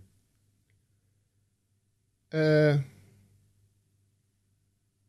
ja, een soort positieve onverschilligheid ontstaat er wel, ja. Positieve onverschilligheid. Je, Ja. kan, er- je kan er toch niks aan doen. Dus het is, het is gewoon, toch? Dat is het gedachte. Ja, alles is. Dus acceptatie. Ja, dat Ja. er oorlog is. Ja, dat is. Ja, wat kan je er dan doen? Stoppen met schieten. Ja, ja maar jij zelf? jij zelf nu niks? Ja, stoppen met schieten. Ja. Ja. Het een... eh, ja, dit is gewoon een non-dualiteit gedachtegoed. Mhm, mhm. Ja, daar hadden we het in het begin al eh, natuurlijk al eventjes eh, over. Ja, meteen gestart met een technische discussie over vrije wil. ja, mooi. Oké, en ehm, je zegt ehm, meditatie helpt jou ook om dat soort ehm, dingen te vinden. Ik, ik ben toch nog wel even benieuwd aan het, eh, zeg maar, naar de sensatie van het ontdekken van die heelheid waar je het over hebt. Want ik heb ook wel eens mindfulness gedaan. Ik heb ook wel eens gemediteerd. Misschien ben ik er gewoon niet goed genoeg in. Maar ik vind het heel moeilijk om voorbij die gedachtegenerator te komen. Zeg maar. ik, zie die, ik zie iets dat een stroom aan ideeën genereert. Ik, ik ben met name druk met wat het, wat het uitpoept, zeg maar. Mhm. Uh, en ik snap dat het er is en ik weet dat er iets is dat zegt mijn gedachte. Maar ik vind het toch heel moeilijk om die waterval eh, te trotseren of zo. Dus eh, wat, wat doe, hoe, hoe, hoe voelt dat? Hoe ziet dat? Heb je op een gegeven moment zoiets van... hey, daar gloort iets aan de horizon of zo... en dat is een gevoel waar ik naartoe kan... Oeh. Ja, wa- wat voor mij heel erg geholpen heeft, is, eh, is eh, zeg maar momenten inbouwen in je dag. Kunnen hele korte momenten zijn. Eh, kan ook heel lang zijn, kan ook een hele dag zijn. Waarin je gewoon eh, eh, even helemaal niks doet. Dus helemaal niemand bent. Dus eventjes niet iets proberen te bereiken. Eventjes niet proberen ergens naartoe te gaan. Even eh, alles loslaten wat je aan het doen bent. En zelfs niet televisie kijken of een boek lezen of, of al die dingen. En, en dan gewoon je aandacht richten op wat er in het huidige moment is. Weet je, en wat er, dan, wat er dan gebeurt als je dat in het begin doet, dan verveel je na drie seconden ongeveer. Hè, dan ga je alweer naar het volgende, dan ben je alweer in gedachten met iets anders bezig. Maar als je, dat, als je dat vaker gaat oefenen, dan ontstaat er geleidelijk aan ontstaat er meer ruimte. Dus er ontstaat een soort moment tussen de momenten. Hmm. En een soort, een soort innerlijke ruimte van, eh, van stilte. Hmm. Dit bijvoorbeeld. Hè, zo. Heel, Mhm. dat, heel even die paar seconden, dat is dan stilte. En dat gebeurt dan ook in je hoofd. Dus heel even houdt Michel op te bestaan. Mhm. Eh, en echt heel kort. Hè, een paar seconden. Eh, en, daar, eh, en daar voel je dat daar eh, een, een soort vrijheid is. Een soort eh, innerlijke rust zou je het kunnen noemen. Of eh, eh, vrolijkheid. Of misschien is dat niet het goede woord. Maar, Vrede, ja. Ja. ja, ik snap hem. Ja. Ja. En, en als, je dat, als je dat langer gaat doen, ja, dus eh, bijvoorbeeld eh, een hele dag, eh, dan, en je oefent dan heel bewust in dat steeds weer terugbrengen van je aandacht naar het huidige moment, dan, dan, dan merk je dat het een beetje blijft. Hmm. Dus dan langzaamaan voel je dat die, die innerlijke vrede, of dat rustige, fijne gevoel van binnen, dat dat meegaat naar de andere dingen die je, gaat doen. En ja, de mooiste ervaring die ik heb gehad was dat, dat, dat ik echt een eh, tiendaagse stilte retraite heb gedaan. ja. En dat ik na eh, de eerste drie dagen me helemaal kapot te hebben verveeld. eh, en echt dacht van, wat doe ik hier? Ik wil naar huis. Dat er op een gegeven moment hield Robin op te bestaan. Weet je, en was ik gewoon alleen nog maar aan het lopen over dat, de plek waar dat was. Dat was in Portugal. En, en daar liep ik gewoon, liep ik gewoon rond in, het, in het oneindige nu, zou je kunnen zeggen. Weet je. En dan was ik, was ik helemaal niet meer bezig met waar ik naartoe moest... of wie ik moest worden of wat ik moest bereiken. Of zo. Het was alsof er enorm veel vrijheid was in dat hele niks zijn. Mhm. En, eh, nou ja, en het, het geinige is, hè, dat stel je voor dat vandaag de dag wordt 100% van je gedrag wordt eh, opgeëist door, of 100% van je dag wordt opgeëist door je persoonlijkheid. Mhm. Eh, en dan, eh, als je überhaupt iets met meditatie gaat doen, dan zou je kunnen zeggen, dan is het 1% per dag eh, wordt eh, vrijgemaakt voor dat bewustzijn. Ja, en dan, dan, als je dat eenmaal ervaren hebt, weet je, dan is dat op de achtergrond is het er altijd. Mhm. En dan, als je dan meer gaat oefenen, dan schuift dat percentage langzaam op. Ja, ja, ja. Ja, En ik zie het wel als een soort, een soort intern zonnetje wat van binnenuit eh, gaat schijnen. Ja. En, en dat interne zonnetje, dat is dus een zonnetje van vrede en liefde en geluk en allemaal andere eh, fijne gevoelens, die misschien een beetje zweverig klinken. Maar, Mhm. Eh, maar dat is er dan dus op de achtergrond. En op een gegeven moment dan wordt het zonnetje wordt zo sterk dat het eh, door alles heen gaat schijnen. Ja. En dat zie je ook wel veel bij, eh, nou bijvoorbeeld bij Jan Geurts. Hè? Zo iemand die dan zoveel geoefend heeft met elke keer terug naar die natuurlijke staat. Zie je eigenlijk dat zijn persoonlijkheid steeds kleinere plek inneemt. Mhm. Hè, dus je ziet dat er steeds minder van de persoon over is en steeds meer van die natuurlijke staat Ja.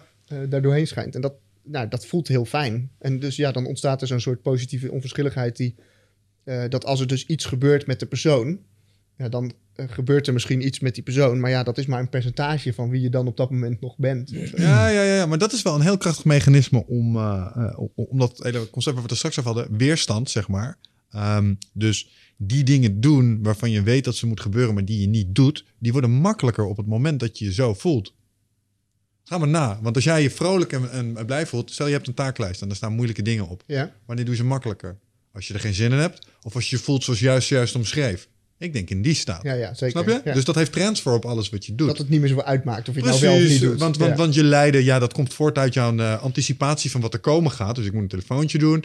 Het wordt een moeilijk gesprek. eh, er komt werk achterweg. Pff, daar heb ik geen zin in. Dat is allemaal een soort van lijden dat je jezelf Ja, van tevoren al aandoet. Ja. Ehm, en als je het benadert zoals jij, ja, dan is dat die onverschilligheid van ja, positieve onverschilligheid. Ja, oké, het wordt wel een beetje ongemakkelijk, maar hoe cares? Ik voel me vrolijk. ja, Het precies. maakt niet uit. Dat is er gewoon op het is er, het hoort Ja. erbij, ja. Dus eh, dat maakt het makkelijker om eh, moeilijke dingen te doen, denk ik. Ja, wel interessante gedachte, ja. Hmm.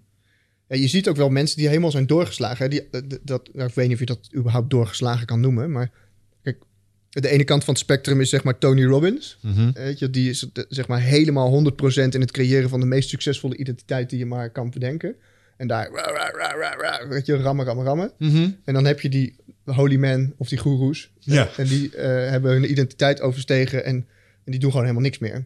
Of zo. En, dat, die, de- en daar, die aanhangers daarvan, eh, dat, ik vind dat gewoon persoonlijk heel grappig. Ik ben niet zo'n zweverig type, maar eh, als ik ben dus geweest op zo'n landgoed waar dan 500 mensen alleen maar met meditatie en stilte bezig zijn. Dus die overstijgen hun persoonlijkheid. En sommigen wonen daar ook echt in zo'n ashram. En eh, ik ben er dan even geweest. Het langste was vier weken. Eh, maar, eh, maar dan, ja, dan, daarna ga ik gewoon weer dingen doen. Ja. Weet je? Maar die mensen die zijn gewoon, he- ja, die, die, die doen, die, die, in het Engels noemen ze dat dan being, weet je. Dus zij zijn alleen maar de hele dag aan het zijn, Ja. weet je. En doing is weg. Weet je, dus doing is gewoon, is het ook gewoon eh, totaal geen behoefte meer om iets te bereiken. Weet je, mensen die gewoon een carrière hadden, heb ik ontmoet. Weet je, een hele succesvolle muzikant die gewoon in eh, Engeland een carrière had. En die zei, ja, ik, ik, ik ben hier nu gewoon. Weet je, en dan zeg ik, mis je het dan niet muziek maken? Ja, ik mis het wel, maar dat Ik weet het niet. maakt niet meer ik uit. land op dat spectrum. Maar ik denk er iets meer naar de Tony Robbins kant. Maar ik begrijp dat de sweet spot ergens in het midden ligt natuurlijk. Ik, ja, ik weet niet zo goed. Voor, voor mij, ik, ik, ik geloof wel dat, het, dat je het beste van beide werelden kan hebben. Ja. En dat vind ik ook wel grappig. Hè? Dat je, je ziet ook wel eens van die, zoals, ik weet niet waarom Jan Geurt steeds terugkomt, maar eh, dat, die doet nu ook allemaal dingen. Weet je, die organiseert ook van alles. En eh, dus, is, behalve dat hij heel lang stil is geweest, is hij nu toch wel heel actief weer met Ja, ja. allemaal dingen. Eh, Ja. Dus volgens mij kan het wel, ja, het beste van beide werelden. Ja. Nou ja, uiteindelijk. Ja. Uiteindelijk is het toch ook allemaal weer. Het is ook allemaal weer ego. Want Jan Geur staat ook liedjes te springen. liedjes, eigen geschreven liedjes te zingen op zo'n evenementen. Ja, dat is ook eigenlijk natuurlijk gewoon ego die dat leuk vindt Doet om te dat, ja? doen. Ja, natuurlijk. Oh, lachen. En, eh, en, en natuurlijk ook de. eh, waarom schrijven een boek? Ja, is toch om jezelf weer ergens. om jezelf te laten zien. Patrick Kik hebben we er dan ook over gehad. Waarom, waarom kom je op televisie? Waarom heb je dit? Waarom heb je zus? Het is allemaal om... Ja, dat persoonlijkheidje wil wat. Maar ik denk dat het natuurlijk is. Ik denk dat het ook nodig is. Ik bedoel, laten we wel wezen, het is heel mooi om je ego te overstijgen. Ja, nee, als ja. de ruimte er is. Ik bedoel, eh, Ja. maar laten we- de meeste mensen moeten zich gewoon manifesteren tussen allerlei andere mensen. En dan is ego ook een mechanisme wat je verdomd goed kunt inzetten om eh, dingen voor elkaar te krijgen. Ik bedoel, daar ontkom je niet aan. En- maar, ja. dat gezegd hebbende, ehm, als ik kijk hoeveel energie er gaat naar shit fixen, voor elkaar krijgen en daar iets van vinden. En ik beluister even naar zo'n holy man, hoe die dat doet. Dan denk ik, daar zou ik ook wel eens een paar weekjes van kunnen gebruiken. Ja, dat wil ik net zeggen, ja. Ja. Ik bedoel, want, want één is, Ja. ja, je bent over alle twee enthousiast, snap je? Dus ja, Ja. eh, en van alle twee kan je ontzettend veel leren. Ja. Ja, ik vind het wel heel, het is ja, sowieso gewoon heel interessant, omdat eh, beide stromingen claimen het. Kijk, eh, voor mijn gevoel heb ik gewoon onderzoek gedaan naar geluk. Weet je, wat maakt mensen gelukkig? Mhm. En dan eh, denk ik, blijkbaar zijn er dus. Ik, ik hoor Tony Robbins bijvoorbeeld zoiets zeggen als progress equals happiness. Eh, hè, dus, Weet je hoeveel mensen Tony Robbins een burn-out in heeft gejaagd? Waarschijnlijk heel veel. Dat is wat je heel veel ziet. Mensen die krijgen... Ja? Ja, ja nou ja, in de zin van mensen eh, gaan naar zo'n evenement, ze krijgen inzichten van ja, shit, ik moet doelen stellen. Ja, ik moet het ook. Ga ermee aan de slag. Maar de kennis die hij daar in zes uur eruit pompt op één dag, of misschien zelfs in vijf dagen, ehm, ja, dat A, het blijft niet allemaal hangen. B, je begrijpt er nog maar de helft van. Je voelt het waarschijnlijk niet eens. Je denkt alleen maar dat je het, dat je het even voelt. En in dat moment voel je het even. En later kom je terug.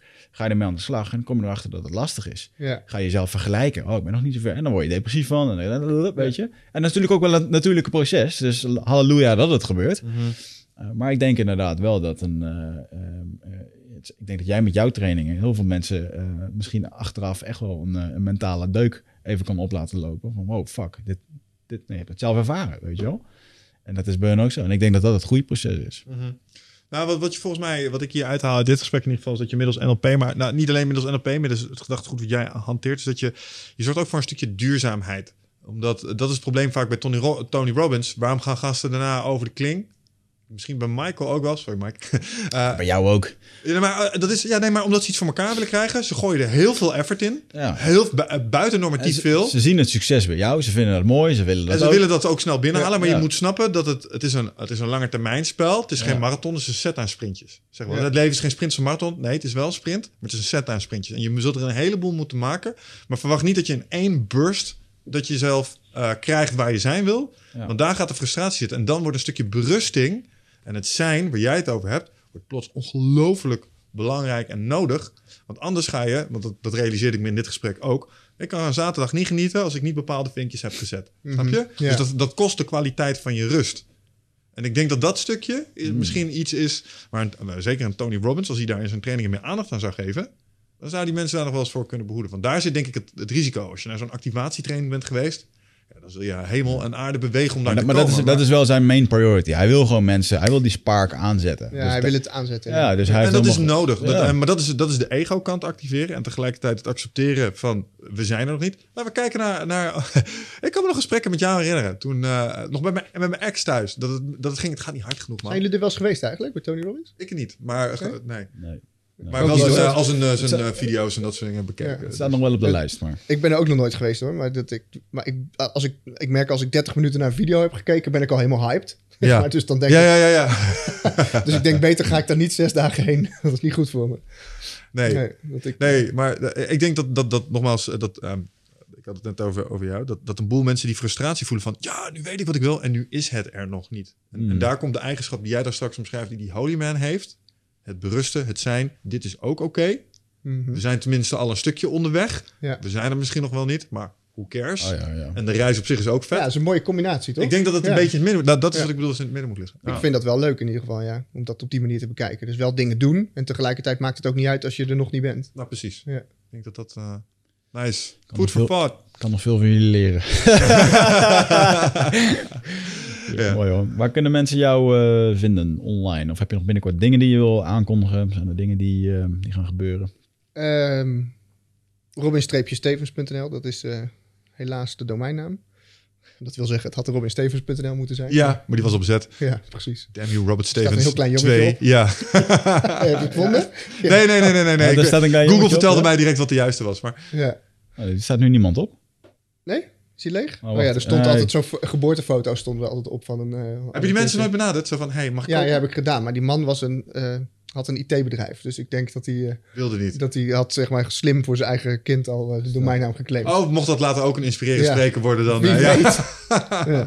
Oké, check. Ja, mooi. Robert, Robin streepje, streepje Stevens.nl. Ja, Oké, Klopt. cool. Social media. Ben je daar ook te vinden? Ehm, ja, ik ben er niet heel actief op. Maar LinkedIn is tegenwoordig wel hetgene waar ik het meeste op doe. Oké man, dan zit hij erop. Twee uur vlogen voorbij. Thanks. Top. Bedankt. Wat leerzaam. Dankjewel voor je komst. En eh, luisteraars, tot de volgende keer. Ciao.